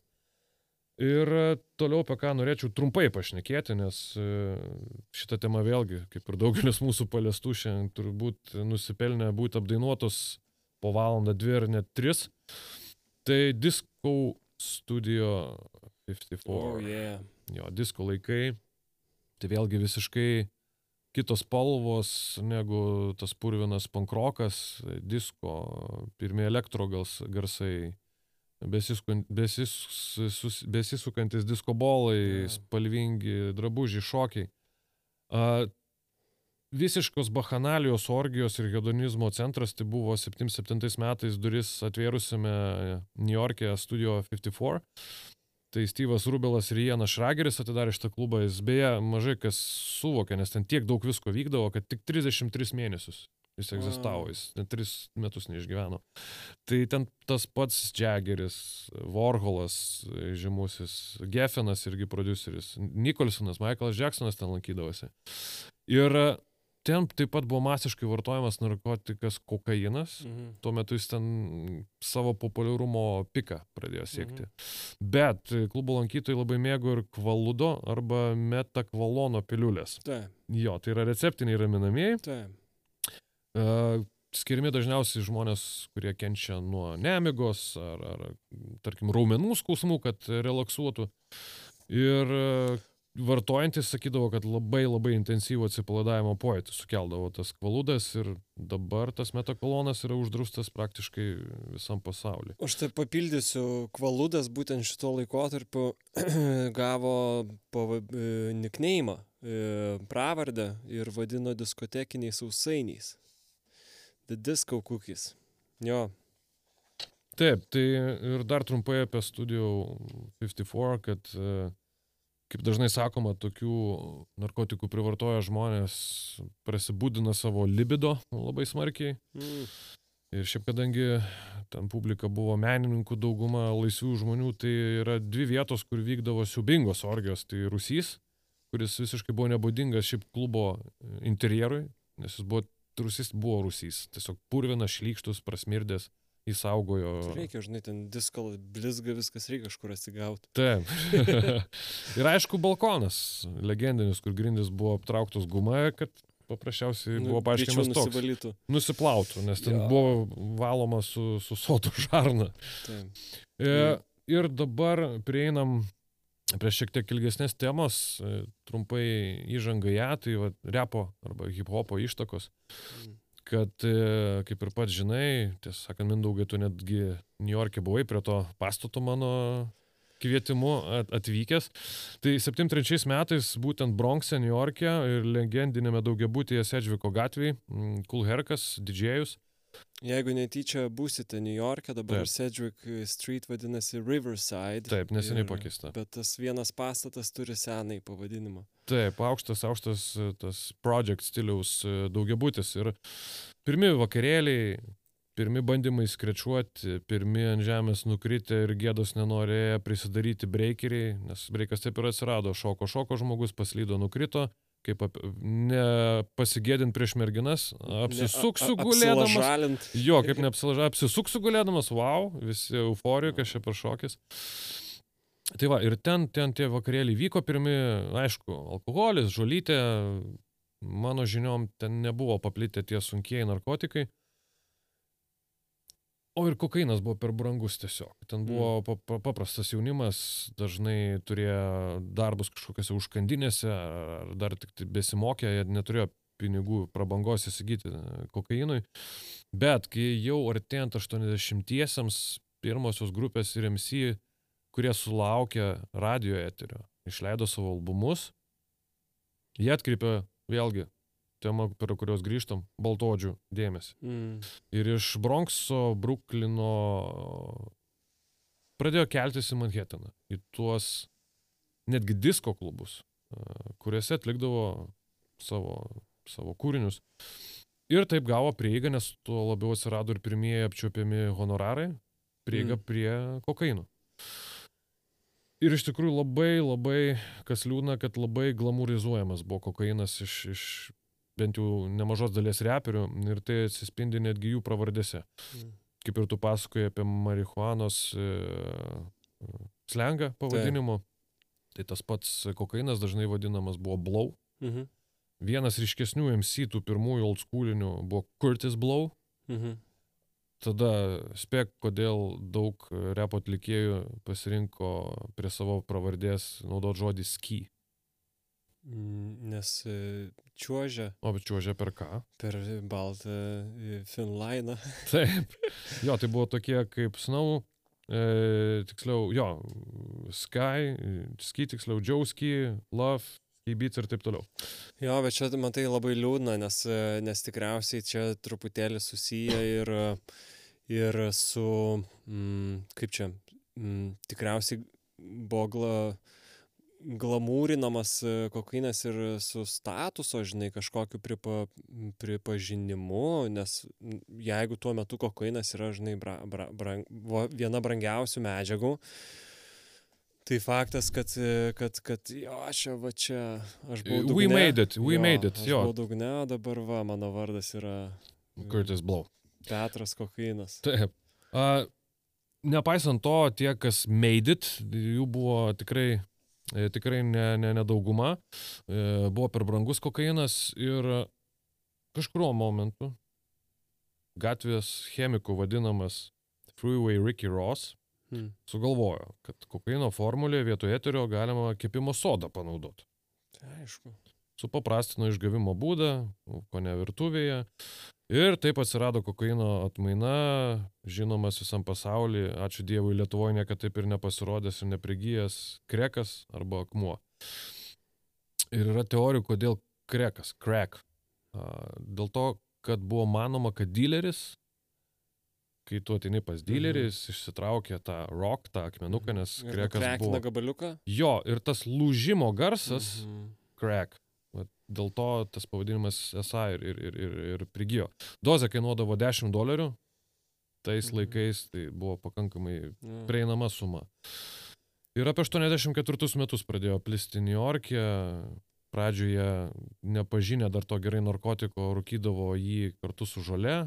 Matyt, tas kiekis nebuvo toks didelis, žolė gal numalšindavo to poveikį ir tos, tos manijos iš pradžių neatsirado, bet tai vėliau virto tikra epidemija. Kas po to sekė? Bedarbystė, Mhm. apleisti vaikai, vagystė, žmogžudystės. E, Černobilis sprogo. Taip. Taip, po dviejų metų Černobilis sprogo, nu ne dėl kreko matyti, nes tie sovietikai, kurie ten tas, tų klaidų letalinių pridarė, tai turbūt tie nekrekai, šnapsą ten pylė. Jo, tai e, tas vartojimo kiekis, man atrodo, gal tris kartus išaugo, o žmogždystės vagystės dėl ko? Nes pradėjo formuotis gaujos. Mm. Nes žmonės suprato, kad yra žiauriai pelninga. Tu gali dieną pardavęs krekų užsidirbti tiek, kiek kokiam Hebsburgeryje, kurio nėra. Amerikoje, tarkim, Burger King'e tu per mėnesį du tiek neužsidirbsi. Ir formavosi gaujos jo, ir aišku, konkurencija, dauguma tų dilerių ir patys vartojo krekas, kaip žinom, yra žiauriai adiktyvus narkotikas, Mm. jis išgreužia žmogų pakankamai greitai, ten savo mm, vaikus motinos atiduodavo už dozę, tas mes vienas siubingiausių narkotikų istorijų. Nu, ko gero, gal krokodilas rusiškas yra baisesnis, bet viską, ką daro rusai, yra baisiausia. Mhm. Tai bardakas buvo žiauriai didelis ir kai kurie žmonės net galvo, kad tai yra visgi samokslas prieš jo dodžius, prieš jo dodžių bendruomenę, kad neva JAF valdžia plantino kreką bendruomenėse, Mm. getuose, kad sumažintų jododžių ir e, iš Pietų Amerikos atvykusių Populiaciją. žmonių populiaciją. Bet jeigu tokia samokslo teorija ir egzistavo, tai out of hand viskas vyko, nes gana greit paplito ir po Baltųjų rajonus, po praktiškai visą Ameriką ir, ir nusikėlė iki, iki rytų pakrantės. Tai Reiganas labai griežtai pasakė, gana yra gana, Mm. nes buvo neva pagautas vienas jaunuolis perkantis kreką šalia Baltųjų rūmų vartų. Opa. Bet manoma, kad tai irgi buvo Mm. netikra istorija arba, nu, kaip tu gali. Nu, Ta prasme, tai mes dabar nueinam prie Seimo ir, ir, ir prieš posėdį. Pa, pa, tu man kažką paduodi, aš tau paduodu. Nu, Taip. bulšitas. Taip, Tai ko gero irgi čia buvo netikra istorija, bet žodžiu, Reiganas. Bet priežasties reikia. Jo. Antiek su griežtino įstatymus, kad tu ko ne už suktinę gali, net negali, o galėdavai ir patekdavai 20 metų į kalėjimą. Mm. Daugybė, tūkstančiai, dešimtis tūkstančių jaunuolių susigriovė savo gyvenimus. Gali sakyti, ir iš dalies ir valdžia sugriovė gyvenimus, nes nedi- ne- nediferencijavo. Ar tai Mm. krekas, žolė, tai yra narkotikai, tu sėdi. Ir tik tai Obama berots prieš beveik dešimtmetį šiek tiek sušvelnino ir kai kurie pagaliau tik tai vat, prie Obamos išėjo į laisvę, būdami 40 mečiais, 50 mečiais. Ir e, nepaslaptis, kad nemaža dalis tų pačių reperių ir dabar mums puikiai žinomų ir producerių pardavinėjo vienokį ir kitokį narkotiką, tas pats Snoop Dogas iš Kalifornijos, tas pats Be Real. Klausimas, kiek jis pardavė, kiek pats suvartodavo. E, Nu, atkreko, tai jis nevartojo, bet taip, apie žolę žinom. Tai ir Cypress Hillų lyderis Birilas ir Vutangų praktiškai visi nariai New York'e. Jay-Z. Jo, apie Jay-Z dar tiesą sakant prieisiu. Okay. Uh, pamatė kažkuriuo metu, dar senesnioji karta šiek tiek, kad kaip tai žaloja bendruomenę. Mm. Mm. Tarsi, greuna iš vidaus, o nu, tugi irgi esi tos bendruomenės narys. Ir uh, pradėjo rastis anti-narkotikų dainos. Tai viena tokių pirmųjų, 83 metais Grandmaster Melly Mel, ir kas domisi hip-hopą, tai žinos toks vienas krikštatvių, tai White Lines, Mhm. skliaustelėse Don't Do It Mhm. daina. Kiek gana paprastai suformuoluota, tiesiog faina, bet nevartok. O vienas, aš net pacituosiu, 86 metais MC Šenas Cocaine mm, išleido gabalą, kur apibūdina kokainą tarsi moterį. Ir jis sako, girls like this are one of a kind, she'll free your soul and clear your mind. Stay away from this girl, take my advice. She's as pure as snow, her heart is cold as ice. I was under spell, she had my brain. Don't you know by now that her name is cocaine? Mm.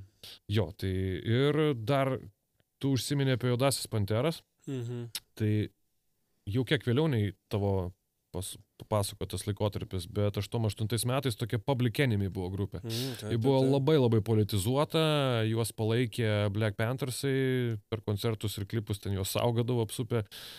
Ir išleido Night of the Living Baseheads gabalą. Mhm. Basehead tai yra to kreko uh, Vartotojas. adi, uh, jo, edikto apibūdinimas. Taip. O jeigu tu žinai apie kiną kažką, tai Night of the Living Taip, taip. Dead yra Romero siaubo filmas ir na, apibūdino tos uh, priklausomus nuo kreko žmonės, tarsi zombius, kurie nebegalvoja ir jie turi vienintelį tikslą kaip zombiai gaut, kur smegenų paragaut. Jo, Tai tie vargšiai beizhedai mm, apsivartoti kreko.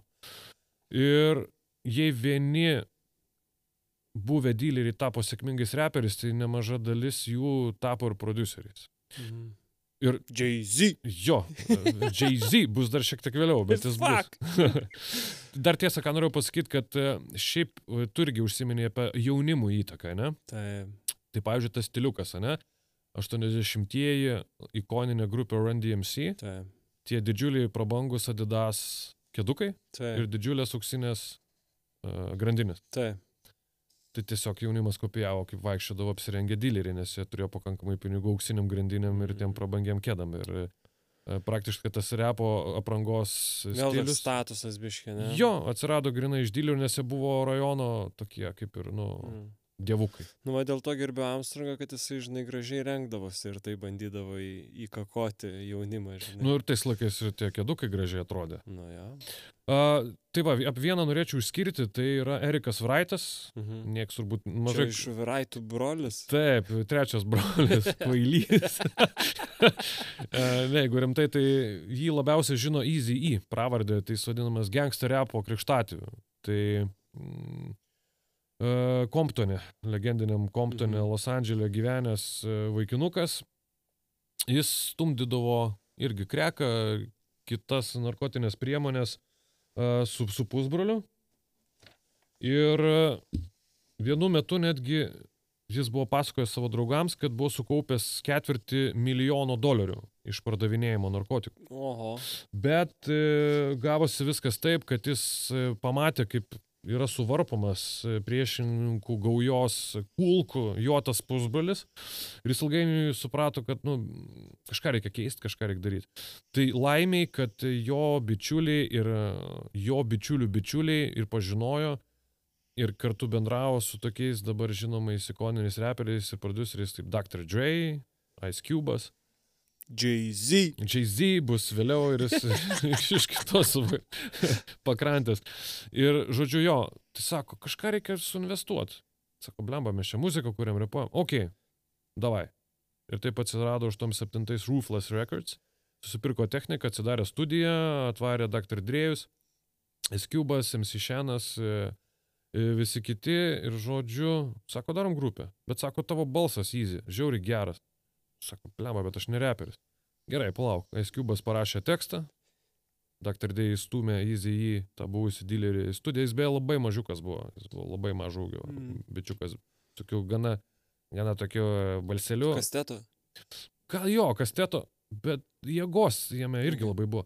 Iš pradžių taip neritmiškai tą svetimą tekstą sako, nu blemba, nesigauna man. Bet po truputį taip, taip, taip, taip, top, taip, top.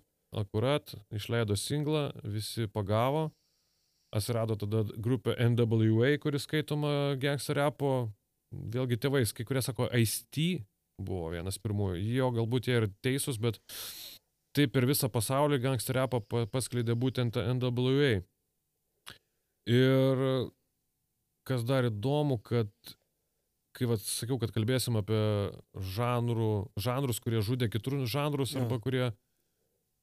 Tai vad MC Hammerio visokia ir visų kitų Vanilla Ice'ų karjeras vos pakilusias gangster repas ir nužudė. Visi pamatė, ant kiek whack yra tie komediniai repai, tie visokie Ice Ice Baby. O kad tom savo kelniam. Jo, o kad ta vat realija, vat yra kieta, ta prasme, nes daug kas kaltino, kad ten WA, ten su savo tais Fuck the Police ir panašiai, Straight Out of Compton, kad jie šlovina ten, ginklus, e, Taip. smurtą ir panašiai. Bet sako, ne, mes tiesiog žurnalistai, mes gatvės reporteriai. Kuo mes gyvenam, ką mes matom. Reporteriai. Jo, reporteriai. Mes tiesiog tą pateikėm savo, savo dainuose. Tai viskas buvo fainai su tuo Easy, jis jau ten prie narkotikų prekybos negryžo, bet kaip ir Bauvis labai moteris mėgo. Mm. Tai tiksliau, Bauvis viską mėgo. Easy mėgo moteris ir vat 90-ųjų pradžioj živ pasigavo ir, ir, ir dėja užgeso palatui jo gyvybė. Jay-Z pagaliau. Jay-Z! Hey, Beyoncé! Jo, Beyoncé, žinomas kaip Beyoncé's vyras. E, Jay-Z arba Šonas Carteris e, Niujorke, Bruklinė, e, Marsi rajone gimęs reperis. Aš buvau tam rajone, mm, ten tris savaitės buvau ir Ar, ar gimiai reperių? Mm, Atgimiau reperių. E, Ir tiesą sakant, mes užsukdavom ten vakare po ilgos dienos į tokią fried chicken užeigėlę, kurioje pardavėjas buvo atskirtas grotomis Nice. nuo klientų. O ir jisai buvo višta. Jis buvo vištos kostiumė.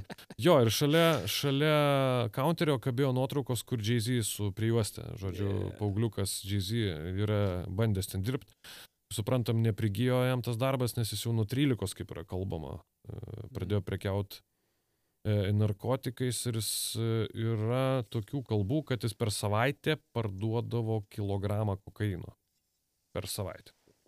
Oho. Ir e, jo bičiulis tuo metu, protežė, 90-ųjų pradžioj Memphis Blykas yra pasakojęs, kad mėtydavosi pinigais. Ir Memphis buvo jaunesnis už Jay-Z, toks kaip ir jaunas draugelis, kaip ir e, toks sekėjas ir sakydavo. Pakalikas. Jo, paka, pakaliukas. imk šimtą baksų, nubėg ten iki bodegos, man Pepsio skardinę nupirks, o graža tau. O ten dviejų baksų Pepsi nekainuodavo, tai tas Memphis į mokyklą visą laiką su ten 9-8 baksais ateidavo. Ir tai vad kalbama, kad 900 pradžiai turėjo apie pusantro milijono Oho. dolerių Jay-Z. jo su savo bičiuliais. Dviem artimais. Ir sako, blemba, reikia legitimizuotis kažkaip, reikia kažkaip jau turim, turim kapitalą, reikia kažką daryti. Blemba su muzika darom. Nes Jay-Z nebuvo... Keista, kad ne šiukšlių verslas. Jo, nu, New Jersey būtų gyvenę su Tony.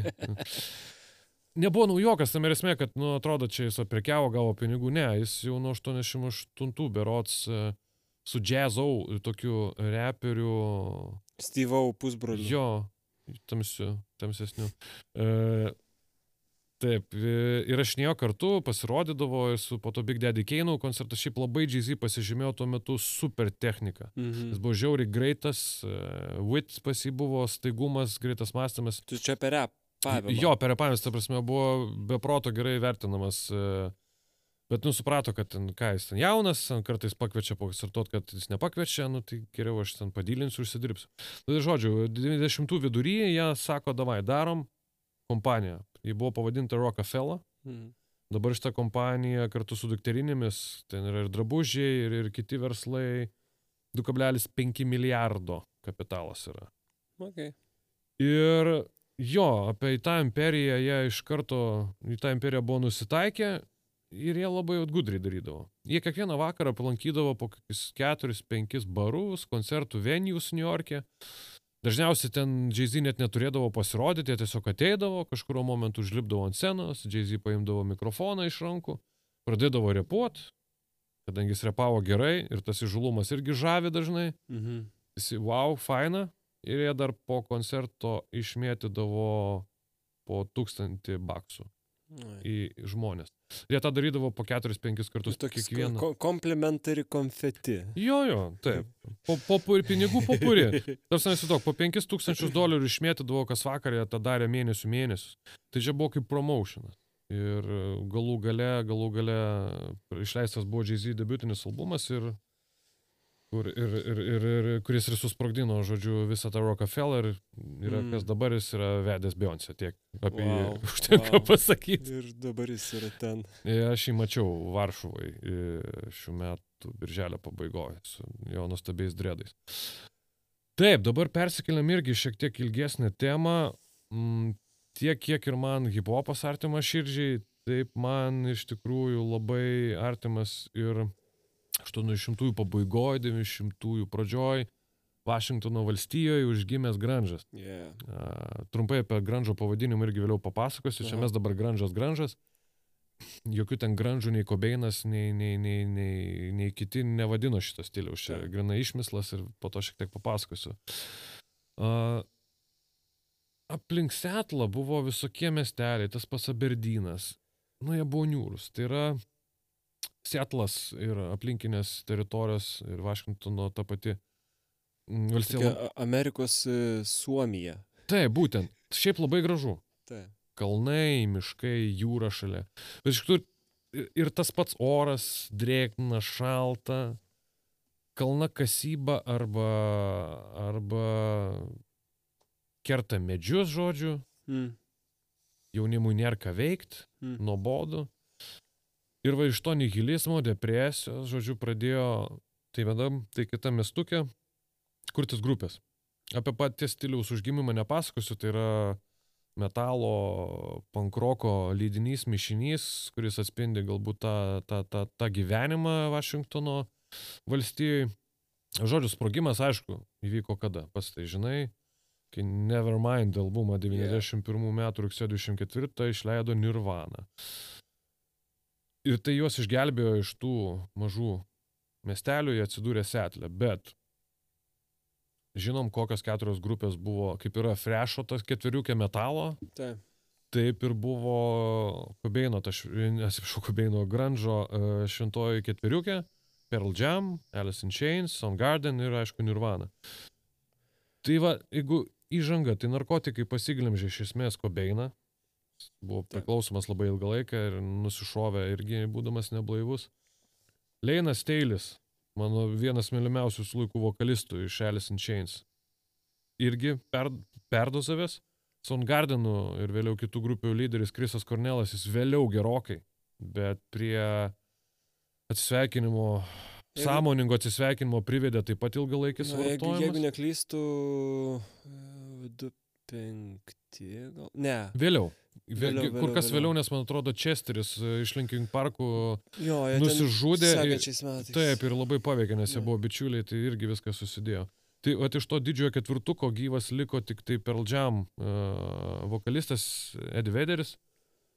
Ir šiaip man irgi įdomu, daug kas stebės, prasme, kaip taip atsitiko, kad uh, tai grįžtant atgal Kobeino vaikystė, ne, jeigu vat priežastis to baigties gyvenimo. Sunki vaikystė. E, Su tėvu santykiai tragiški, su pamotė tragiški. Iš vienos močiutės pas kitą senelį, pas kitą močiutę, pas kitą senelį, kol biologinė mama priėmė. Nesutarimai, charakteris gana sunkus, pradėjo nakvot po tiltu. Tas tiltas prie Aberdino berots yra, tai iki šiol ten žmonės ateina pernakot arba palieka vainikus, ateina pagrot. Ankstyvoji vaikystė, jaunystėje pradėta rūkyti žolė. E, Bet, vat, 17, kas pasisekė, kad jis su basistu Kraistu Novaseliku susitiko. 88 savo pirmą Bleach albumą išleido ir jie jau, jau šiek tiek kažkaip kabinosi ir galėjo šiek tiek pabėgti, pabėgti nuo, nuo tos rušios realybės ir lengvas populiarumas pozityvumo tuo metu suteikė. O apie Vederį, šiaip pat panašiai buvo tiesąkant ir su Alice in Chains, e, vokalistų irgi pakankamai sudėtingas charakteris ir vaikystė. O Vederis, e, Pearl Jamų lyderis, irgi įsiskyrė tėvai, bet ir su tuo ir su tuo puikiai sutarė. Žinai, tas retas atvejis, kai skirybos, nu vis tiek gana ok. Ir, ir gyveno jis kitoje vietoje, jis Ilinojuje gyveno, vėliau Čikagoje, irgi šiek tiek kita aplinka, daugiau veiksmo, daugiau didmešio, jam šiek tiek padėjo. Ir dar kas yra svarbu, 90-ai susikūrė Pearl Jamai, ne, ir susikūrė iš tokių tuo metu super grupių grandžo iki to grandžo populiarumo. Tai buvo Green River tokia grupė, siūlau paklausyti. Malfunction ir Mother Love Bone. Tai va šitą grupę įsiminkit. A, Šitos grupės lyderis a, ir vokalistas a, Vudas, a, jo, Andrew, jis buvo laikomas tuo metu, 80-ųjų pabaigoje, kad jis vat, pakeis roko va toj padangiai Axelį Rauzą. Jis buvo ant Mm. tiek charizmatiškas, tarsi jų muzika buvo tokia grandžiška, purvina, bet tokia nujautęs, kad yra tas rockstaro Mhm. prieskonis. Visi sakė, va jūs išleisit albumą, viskas. Jūs iš Setlo lekėt ir jūs būsit, būsit viską. Ir, ir jis ir interviu, nu tarsi matosi, žmogus sutvertas scenai ir sutvertas žibėt. Gerai šneka, gražus, Mm. puikiai dainuoja, nu fantastika, bet heroinas. Mm. Perdozavo heroino. O kodėl va tas heroinas dar setlę pasakysiu, kad tuo metu vienas svarbesnių uostų buvo setlas Mm. ir tuo metu labai iš Meksikos padidėjo per tą uostą srautas būtent heroino. Ir jis buvo vėlgi labai pigus ir, ir, ir lengvai prieinamas ir dėl to daug jaunuolių bandydami, nežinau, tą niūrę realybę ar kažką panaikinti, ant to užsikabino. Tai va, Pearl, Pearl Jamų kolegas labai sukrėtė Andrew Wood- Woodo mirtis. Ir jie kažkaip berots ne vienas vėliau labai ir neįsivėlė į narkotikus. Ir Vederis atėjęs irgi tą aplinką, nu, pamatė, ta prasme, kad kas gali laukti ir, ir Taip. panašiai. Ir jie, ir jie kažkaip, kažkaip e, sugebėjo išsisukti nuo, nuo tų problemų. Bet vat, dar e, esu užsirašęs, kad mirčių skaičius 86-94 metais e, tris kartus išaugo nuo perdozavimo. Wow. Tai va. Mm, Jo, Kobeinas tik tai, kad jisai, ne, jisai nusišovė su dvivamžiu. Taip, taip. Bet, bet e, padarius jam skrodimą vis tiek buvo rastas e, heroinas ir valymas, e, daug ten narkotinių pre... Taip, taip. medžiagų. A, apie biški Darelės Inčiais papasakosiu, tai mm, jie visi draugai beje tos grupės Taip. buvo, ta prasme, iš vieno katilo, tai vat, Alice in Chains bosistas yra pasakojęs, kad buvo didelis turas e, Brazilijoje, kur žinom tie koncertai e, po Ko- Ko- Copacabano's e, paplūdimy, kur ten šimtai tūkstančių, ir realiai netgi vieną kartą milijonas žmonių buvo koncerte. Tie su to pačiu In Chains vokalistų Steiliu ir Kobeinu užsidarė tą heroiną prieš koncertą, po koncerto vartodavo mm. savo ramiai.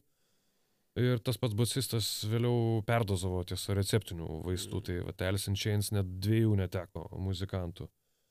Ir visi, vien, kaip su, su, su, su, sutar, sutariant, sakė, kad e, heroinas jiems padėjo atsitraukti nuo staiga užklupusios šlovės, kuri buvo Mm. pakankamai staigi ir labai didžiulė.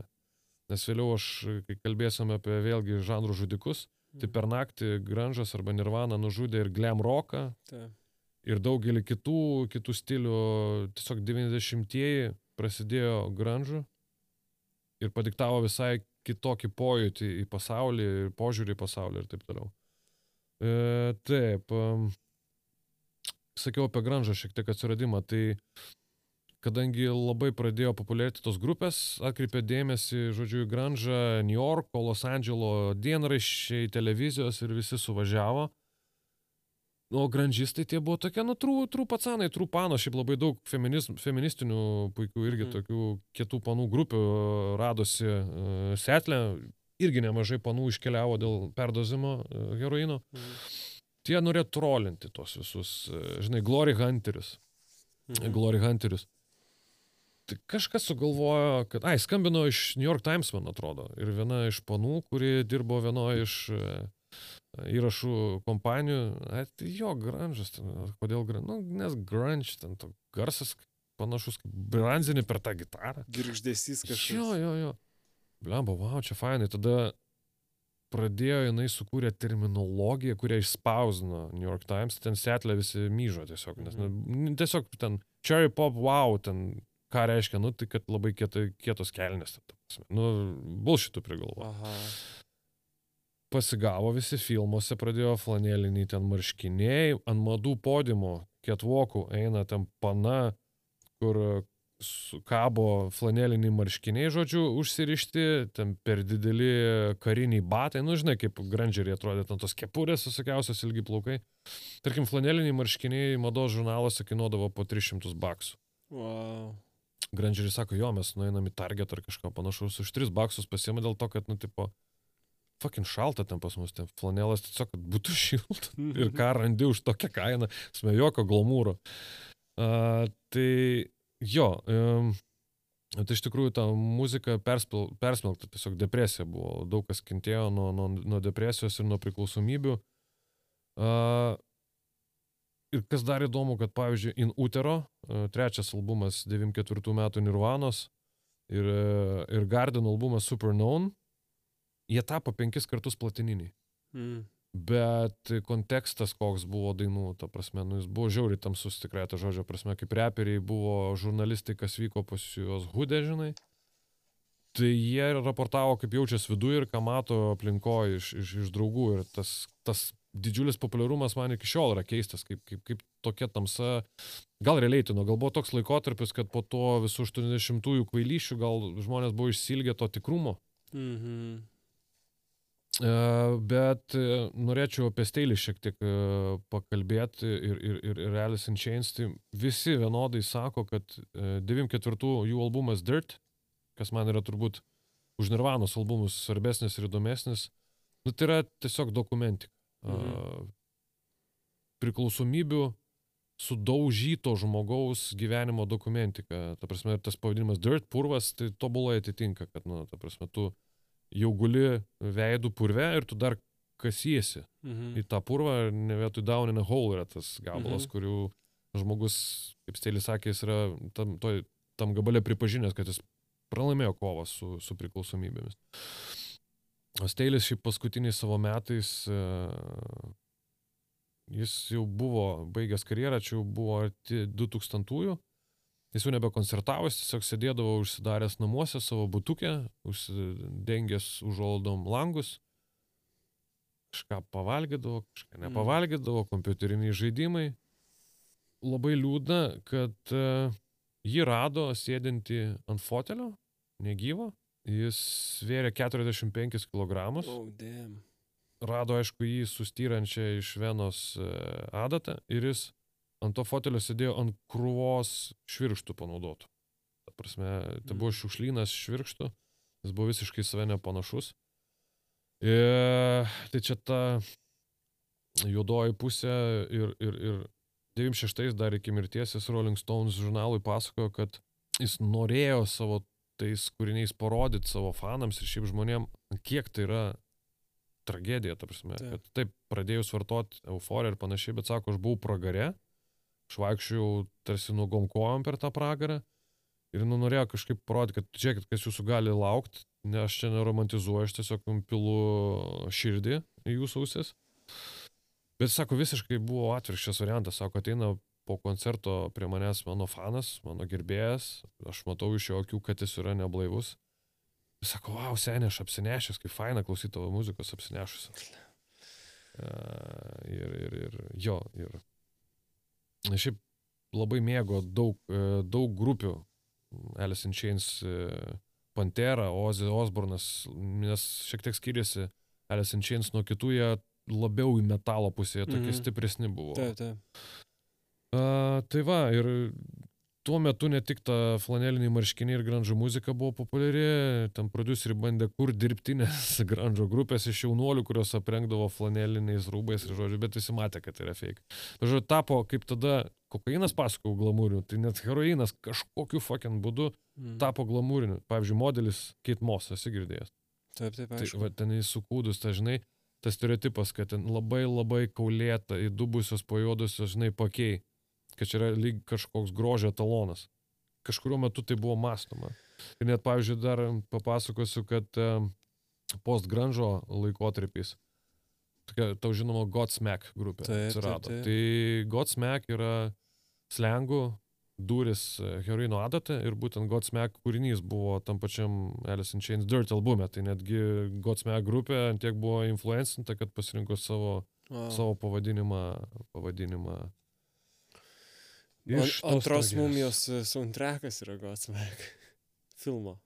Taip, ir netgi, man atrodo, dar Prince of Persia kažkurio žaidimo. Ten tu Nu. bėgi nuo pabaisuko kažkokio ir groja Godsmack. Yeah. Taip, e, šiek tiek trumpai, keliais sakiniais. Čia galima 30 laidų kurti. Elektroninė muzika.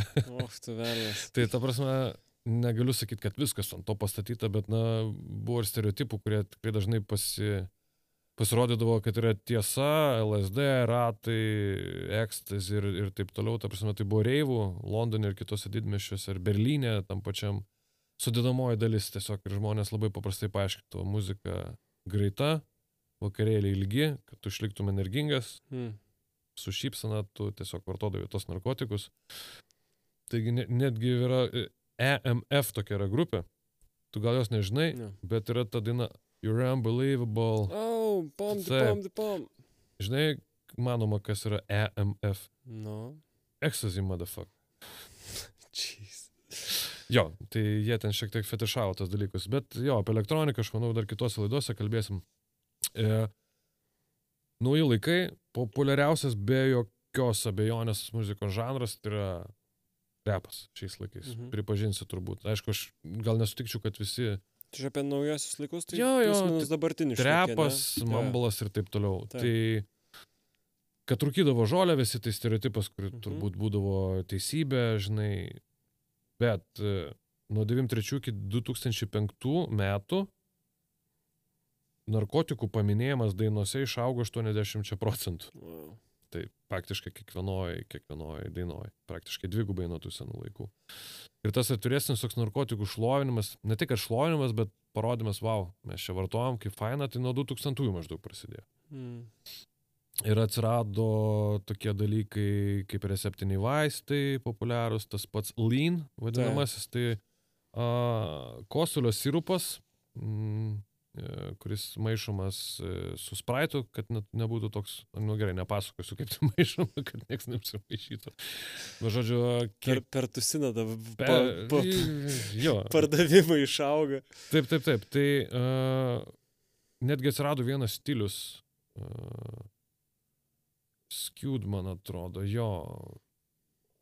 Dabar, kad nesumaišiau, teks, Teksase, man atrodo, kažkur pietinėse, žodžiu, valstijose, kad uh, vienas toks didžėjus sugalvojo, kad reikia tiesiog įrašyti kūrinius su savo hebra Mhm. ir juos labai sulėtinti. Mhm.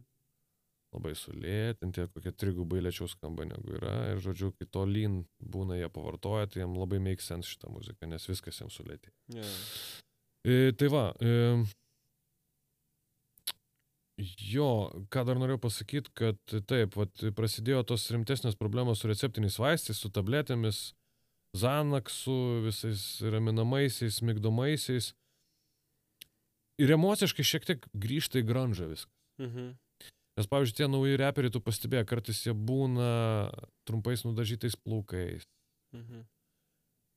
kartais ten parėkia. Nu, ta prasme, toks lyg ir ant elektroninės trepo repo muzikos, bet temos tokios ir, ir tas pat skleidžiama emocija tokia labiau, vat, kai įmau ar kažkas į tą pusę. Ir perėmė va tą irgi depresiją, tą tamsumą. E, ir dar, kad nepamirščiau, Timbalandą, žinai, producerį. Mhm. Ten su Miselio dirbė su Justinu Timberlake'u, tuo pačiu tai jis irgi buvo... Čia pripa- tas, e, kur batus išleidęs yra. taip. Ten jo brolis dvinys, Timberlandas. Taip, taip. Nes ten Timbalandas.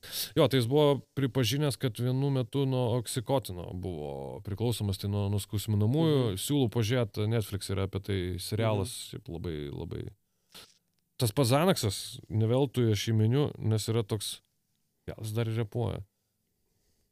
Lil Zen, Mhm. toks rep, tai Zen, Zenex. Mhm. Uh, prasidėjo maždaug prieš kokius 7-8 metus pirmos tokios ryškesnės tų žvaigždžių mirtis mhm. nuo narkotikų. Tai 17 metais Lil Peep, toks uh, vaikinukas, uh, O jisai kaip, kaip numirė. Peep ir nebėra, jo. Kadangi kitokie laikai, tai tą jo ėjimą link mirties matė daug jo gerbėjų. Mhm. E, tarkim, prieš mirtį Instagram'e jis pasakojo, kad va ką tik pavartojau žolės, grybų, vėliau nusifilmavo, kaip išgėrė šešias Zanakso tabletės ir parašė, kai aš numirsiu, jūs mane pamilsite. Ir prieš koncertą savo trailerį jo menedžeris rado įmiegantį, galvojo, okei, okay, palisės, atėjo vėliau, jis vis dar miega, pakelt nepavyksta, pakvietė medikus ir pripažinta mirtis. Ir tarsi rado ne tik to, ko jis pats vardino Instagram'e kartą, bet pilna įvairiausių opioidų. Mhm. Tai šokiravo žiūri mirtis to jaunuolio. Mm, jam beros, jam buvo 20 metų. Wow. Jo, toks reperis kaip Lil Uzi Vert, irgi čia jaunimas, kas klausys mūsų žinos, tai irgi po mirties paskelbė viskas. Aš renkuos blaivybę, ryšiu su viskuom.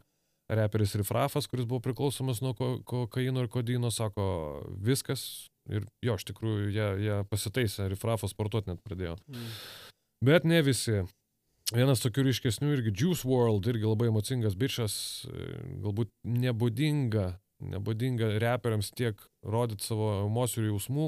Prieš 20 metų tai buvo, būtų ko gero išjuoktas toks žmogus, bet šiais laikais žmonės apie emocijas labai atvirai kalba ir kas yra gerai. Žodžiu, 2019 metais, būdamas vos 21, oksiko to paties perdozavo ir kodeino. Tai va, čikagietis skrido privačiu lėktuvu, nusileido į savo gimtąją Čikagą, prasidėjo traukuliai, atvažiavo medikai, išvežė į ligoninę ir jis ten miršta. E, tai jo, ir jis, kadangi dar prieš tai vartojo Zanaks ir perkosetus nuo depresijos, tai ta visa mikstūra ir pasiglemžė. Ir kitas, dėl kurio man ypač gaila, tu puikiai žinai, Mac Milleris, Ta... žiauriai talentingas fainas bičias, šiek tiek ilgiau pagyveno, 26 metų pritrūko iki 27 Iki klubo. klubo. Jo. Nekartais kalbėjęs nebuvo, tikrai nesislėpė dėl savo priklausomybės, apie tai kal, kalbėjo, tą patį lyną, kodeiną, prometaziną. Buvo metęs, pradėjo draugauti su Ariana Grande, vėl pradėjo vartot, nepaslaptis, kad dėl to Ariana, nors, padėjo, nors bandė jam padėti, bet jį paliko. Mhm. 18 įsiskyrė, tada tų metų gegužę padarė apsivartojęs avariją, o rugsėjai tų pačių metų buvo rastas perdozavęs ir ten buvo fentanilio, rasta fentanilis. Ką man pačiam teko su toksikologais kalbėti, yra tūkstantį kartų pautent ir baisesnis už heroiną, nes ten A. reikalinga, ten maža dozė užmygdo nu, numarina arklį. Mm. Tai jo, tai fentanilis, alkoholis, kokainas. Ir buvo netgi rastas dealeris, kuris dalį tų preparatų jam pardavė ir gavo 17 metų kalėjimo. Tai, kaip sakant, bent jau Meko Millerio netiesioginis žudikas sulaukė teisingumo. Tai va, atėjome iki tų naujausių laikų ir kažkaip man liūdna, liūdna pripažinti, kad atrodo, ta spiralė sukosi, atsirado antijudėjimai, mirtis, kurios įkvėpė keisti gyvenimo būdą, bet visgi vėl grįžtam prie to, kad, kad, kad, kad žudo narkotikai iki šiol ir jaunus žmonės, kiek kad tu pasakai nuo pat Mm. pradžių, kiek karjeros te, tu, te trukdavo, Taip. tai dabar gal net dar jaunesni žmonės įklimsta ir miršta. Ten tenka girdėti, kad 16-17 metų tie reperiai jau gydomi ir gydosi nuo priklausomybė. Taip. Bet dar ką vat, norėčiau pasakyti, kad visais laikais buvo tų stovyklų, ne? Mhm. Pavyzdžiui, Billy Joelas, mūsų mėgiamas irgi, ne? Captain Jack yra jo daina. Ėjau, keptin. Jo, Vieną mane nesalėjau. Aha. Jo, jo, tai sako, yra ten, aš perfrazuosiu, sako, kad tiek mano draugų yra pakasti po Long Islando purvu, kad stebuklas, kad moderni chemija juos nužudė, nors net Vietnamas to nepajėgė. Mhm. Tai jis e, buvo toks advokatas prieš, prieš narkotikus ir The Who gitaristas, dainų autorius Pete Townsend. Pete Townshendas. 28. Jo, jis e, žiaurus yra advokatas e, antinarkotikų, bet Jo. pavyzdžiui, okei, okay, Miley Cyrus viešai yra pasakęs, kad palaiko linksmųjų narkotikų vartojimą. Taip. Tų MDMA arba ekstazio, ne? Molį vadina jį dar kartais. E, Nes ekstazis vienu žodžiu būdų vartojamas, tas pats MDMA, molį kitų būdų, nedetalizuosiu. Jis yra sakius viešai, ekstazi tave priverčia norėti būti su draugais. Ne? Madonna viešai TV laidoj Tonight Show yra pasakius, MDMA suteikia euforiškus meilės jausmus. Nu, vertink Jo. kaip nori, žinai. Jo. O, jo. Dar noriu, kad paminėti, apsvarstysim šitą temą, aš vat gal Mhm. nepamirščiau apie tą kodėl, ar ne, kodėl Jo. tas vartojimas yra. Lenonas, pavyzdžiui, yra minėjęs, kad narkotikai jam padėdavo išgyventi pasaulio apgultis, jautė tą apgultį iš viso pasaulio. Mhm. Buvęs metalikos gitaristas, e, dabar Megadefų lyderis Deivas Musteinas sako, kad praktiškai visas roko grupės narkotikai sunaikino. Jo, žinok, Musteino turiu šitą frazę užsirašęs. e, Jis yra pasakęs 15 metais, visai neseniai. Neseniai, taip. E, Jei pažvelgsi į istoriją, narkotikai, pinigai arba moteris sugriovė kiekvieną egzistuojančią grupę. Moteris, tai yra taip, tokia taip. tiesa. Taip, aš dar šito nepaminėjau. Jo, ir jis sako, kad nu, dažniausiai arba nuo sužvaigždėjimo, arba nuo per didelio to Taip. populiarumo, arba kūrybiškumui. Aš norėčiau, kol nepamiršiu, išskirti vieną tokią asmenybę. Tau jinai ir daugumai turbūt labiau dabar yra žinoma kaip Elono Masko vaikų motina. Okay. Tai yra Grimes atlikėja, kanadietė. Jinai kaip darydavo? Jinai užsidarydavo savo namo pal, palėpiai, Mhm. viską, kaip sakant, užsiklijuodavo jų tamsių skočių, kad būtų tamsu it oloje. Kaip gy- gyvenime su Elonu Musku. With lots of Musk.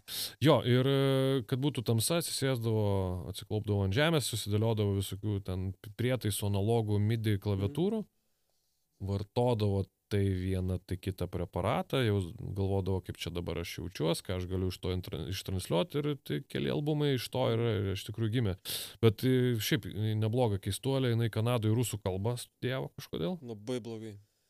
E, nu, taip kaip dabar Maskas elgėsi kartais, tai gal ir nenustabu iš tikrųjų, kodėl jie kartu. Ir dar jos buvo policija JAV prigavusi, Grimes ir tuo metinį vaikiną, jie sugalvojo, kad reikia susikonstruoti plaustą, pasėmė gyvų vištų ir plaukė JAV upėmis. Tai už blogą elgesį su gyvūnais juos ir sulaikė. Wow. wow. Nu jo, vat e, aš dažnai ką galvoju, gal, gal dabar pa, pa, pabandom diskutuoti. Apie tą, kodėl. Nu, vat kodėl. Turim čia virš šimto metų. E, kažkokiom vat bangom, matai, tie, tie, tie vieni ar kiti narkotikai iškyla, psichotropinės tos medžiagos, nesvarbu, ar tai būtų alkoholis ar, ar, ar, ar, ar, ar narkotikai.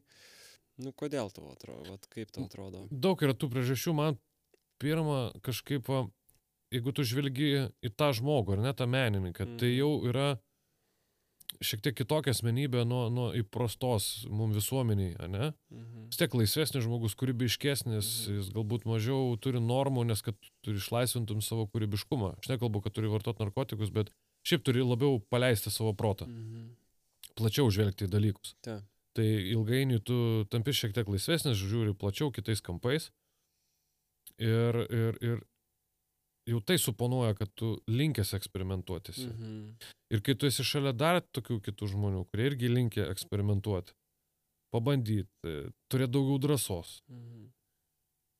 tu vienai per kitaip ten atsi- atsiduri. Kaip tau vėliau baigėsi, tai irgi priklauso nuo, nuo genų, nuo tavo tėvų praeities, nuo tavo būdo, stiprumo, aplinkos. Bet manau, kad tas, va, tas laisvumas, tas menininko ta, ta gaidelė prisideda šiek tiek, kad tu, sakai, "Nu, pabandysiu, bent jau pažiūrėsiu. Jo. jo, aš kažkaip galvoju, e, žvelgiant, žinai, tą nu, džiazo laikotarpį, vis tiek didžioji dalis e, tų atlikėjų buvo vis tiek juododžiai. E, aišku, jie turėjo labai daug, e, daug išgyvenimų tuo metu, tai galbūt ir tam tikrą prasme pabėgimo kažkoksai būdas. O tas buvo, pats ir žinai. tos vadinamuose getuose hip-hopo laikais. Jo. Nes jo, ir Los Andželo tos, atsimeni, 90-ųjų pradžioje riaušės ir prieš tai, taip, kai bandė, susodino juos visus į tos project namus, kai ten gaisrai vyko. jo. Pabėgimas, pabėgimas nuo niurios realybės. Jo, ir vat e, įdomu, įdomu, negalima sakyti, kad e, visi atlikėjai, žinai, vartoja kažką. Ar Nes aš manau, gana didžioji Dieve, ne. pasaulio dalis yra bent kažką pabandžiusi. Taip, taip. E, Mes kalbame jau, kai tai tampa gyvenimo būdu. Jo, aš žinai, vat e, kažkaip galvojau, nu, yra, yra daug tų atlikėjų, kurie, kurie e, vartojo, bet po to susitvarkė, žinai. Ir e, kaip čia istorija sako, kad jie ir gyveno ilgiau, jie ir kūrė ilgiau. Tas paskučinskas. Kučinskas Bet visiškai, čia- pažiūrėk, bet dabar čia jau ne apie- net jauniau atrodo. Bet, bet čia ne apie Edmundą ir ne apie brolį, čia apie tą trečią. Tokį. Taip. E, bet aš, žinai, vat galvoju, nu, be, be, be galo liū- liūdna. Liūdna, bet iš kitos pusės, žinai ką, e, man atrodo, tas pats Chainsų vokalistas yra sakęs, kad aš aukojuosi, Nu, atidu, atiduodu, jo, atiduodu save, kad jums nereikėtų to daryti.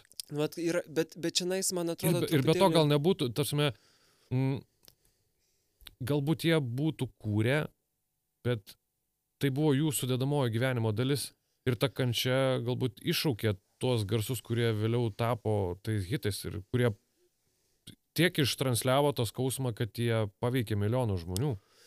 Nu jo, ir, ir yra tame Tai tikrai. ne tokia kaina, kurią reikėtų mokėti, aišku, bet Yra truputėlį tiesos, kad, kad nu arba e, skamba taip, kad, kad, kad atlikėjas, artistas, menininkas turi kentėti, kad jisai turi su- alkanas visada. alkanas kentėtų, kad kažką sukurtų. Nu, tai fucking eik į McDonald'ą, padirbk ir, ir kurk tuo metu. Taip.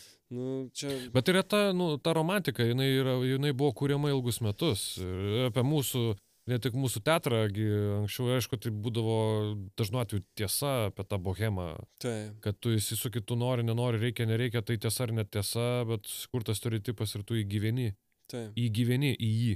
taip. Nors dabar žinom, kad yra, yra ir gali būti visai kitaip. Taip, taip. Nežinau, nežinau, ar dar- dar kažką čia pridėti. Aš esu padaręs e, e, garbingų paminėjimų sąrašą. Vieną E. berots mes jau aptarėm, aš norėjau jį prigrėpti, labai dėkui, kad tu prigrėbė. Kurį? An Antonis. Antonijų Kėdį. Taip. Taip, Antony Kėdis e, labai stipriai buvo pasukęs e, ties kokainu ir heroinu. Po tiltų buvo net pasukęs. Buvo net po tiltų pasukęs ir ten dainų parašęs, e, bet jo, jo grupės draugas mirė nuo heroino perdozavimo 88. Taip. Ir nuo to laiko kėdis prisiekė savo, kad e, nebevart, nebevartos narkotikų ir jam puikiai pasisekė kitaip negu jo gitaristui. Bet su gitaristais kėdžiui tai labai nesisekė, nes žinom apie Džoną. Jo, Ozis Osbornas, kuris yra žmogus mumija, tikriausiai. Jis mus per, E, tas metu nesijokis pragyvens jisai mus, žinok, jis ten pragyvens. veblens e, per, per mano laidotuvės. Tai dėl jo, dėl jo piknaudžiavimo alkoholiu ir narkotikais jisai 78 iš Black Sabbath buvo išmestas. E, Kas šiaip yra netikėtina, žinant, kad ten, kad jie Stonerių grupė buvo. Taip, taip. Whitney Houston. Whitney Houston, aš čia norėjau paminėti, kai tu pasakoji apie Billy Holiday, labai man susišaukė tas vat vyras, nes Whitney Houston gyvenime irgi Braunas e, labai labai paveikė ją ir, ir, ir mirtis, mirtis panašiai. Tai jo, Whitney Houston e, Guinneso rekordų knygui nurodyta kaip labiausiai apdovanota visų laikų moteris. E, e, tikriausiai ne, ne už, m, už nuopelnus, ne šiaip apdovanota, Ne už narkotikų vartojimą, už, už už, už savo narkotikų. kūrybą. o už savo kūrybą, bet jo, 12 metais e, tariamai e, dėl priklausomybės iškeliavo. Nu, žinai, e, jeigu kalbam ir apie medicininės visokias priemonės, tai čia nais ir, ir tam tikrą prasme ir Michaelą Jacksoną galima paminėti. Princesas pats. Ir princas, jo. Jo, m, irgi labai heroino buvo įnikęs labai stipriai. Pamatęs E, prasme jame. Aha. Pun intended. Elvis Preslis beje. Taip. Jo, Elvis Preslis e, 42. Jis stebėtinai jaunas, jis mums išlikęs toks kažkoks nemirtingas, bet jis dar iš tikrųjų jaunas buvo. Jo, ir e, praktiškai dvi priežastis. e, Mirė jisai nuo širdies priepolio, o sukėlė tikriausiai dvi priežastis. Burgeriai. Burgeriai, tai yra, nes jis buvo išpampęs Aš nesuvokiamai. norėjau pavartoti šitą žodį. Taip, Ir, ir receptiniai barbituratai. taip, taip. Čia šiaip iš tikrųjų ep epideminis reikalas. Jo. Joko Ono e, ne tik e, heroino vartojimas, bet ir bitlų grupės nužudimas tikriausiai. Mane tai jos dainavimas nužudys vieną kartą. Jo, Su savo pagarba, aišku. su visa pagarba. E, net nežinau, e, DMX nepaminėjai. A, Demikso jo, nepaminėjau. Šiaip pakankamai irgi tragiškas jo likimas, be proto, šiaip talentingas buvo, bet jo charakteris labai labai, labai buvo jis į agresiją linkęs, ten mėgdavo lėktuvuose aplot žmonės. Jo, ir visai ne- neseniai, 21 Taip, taip. balandžio antra, ne Taip. pirma, antra būtent. Taip. Ir, ir, ir, ir po e, au, au, autopsijos buvo rasta viskas, Mariau. E, Ne tik krekas, e, kokainas, fentanilis, alkoholis, belenkiek vaistų receptinių, bet dar ir kovidas. Tai gal klausyk, Covidas visgi buvo Nu, budelis. E, Be, DMX, velniai, velniai žino. Nu gal dabar jau ir žino. Nu jo, e, šiaip, e, žiūrėkit, e, mėly klausytojai, jeigu dar vis klausot, nes čia fiks night, kiek čia mes laiko įrašinėjom, Jo. e, narkotikai yra šūdas. Jo, jeigu mes kartais nusijokiam, tai vien dėl to, kad, nu, tarkim, Žinoma, kartais taip blogai, kad, nu, belieka juoktis. Juokas per ašaras. Narkotikai yra šūdas, e, alkoholis irgi yra šūdas, viskas yra šūdas išskyrus myžalus. E, Bet jo, e, dar kartelį norim paminėti, kad šitą temą palėtėm ne dėl to, kad norim kažkaip para, pa, paraginti ar paskatinti žmonės domėtis narkotiniam medžiagom ar Mes pasidomėjom pateikdami šią informaciją už jūs. jo ir, ir, ir norėjom faktais parodyti, kad, kad niekur tai gerai, nenu, niekur toli nenuves, kad tai nėra gerai ir e, kad e, kurti galima ne, ir be šitų medžiagų. Amen. Amen. E, tai ką, ačiū labai, e, ačiū Mariu, e, buvo labai įdomu. Ačiū, Mindaugai, sužinau daug nau, naujovių. Se, se, senovių naujovių. Taip, o klausytojams ačiū už kantrybę. Jo. Pasimatysim kitą kartą. Yeah.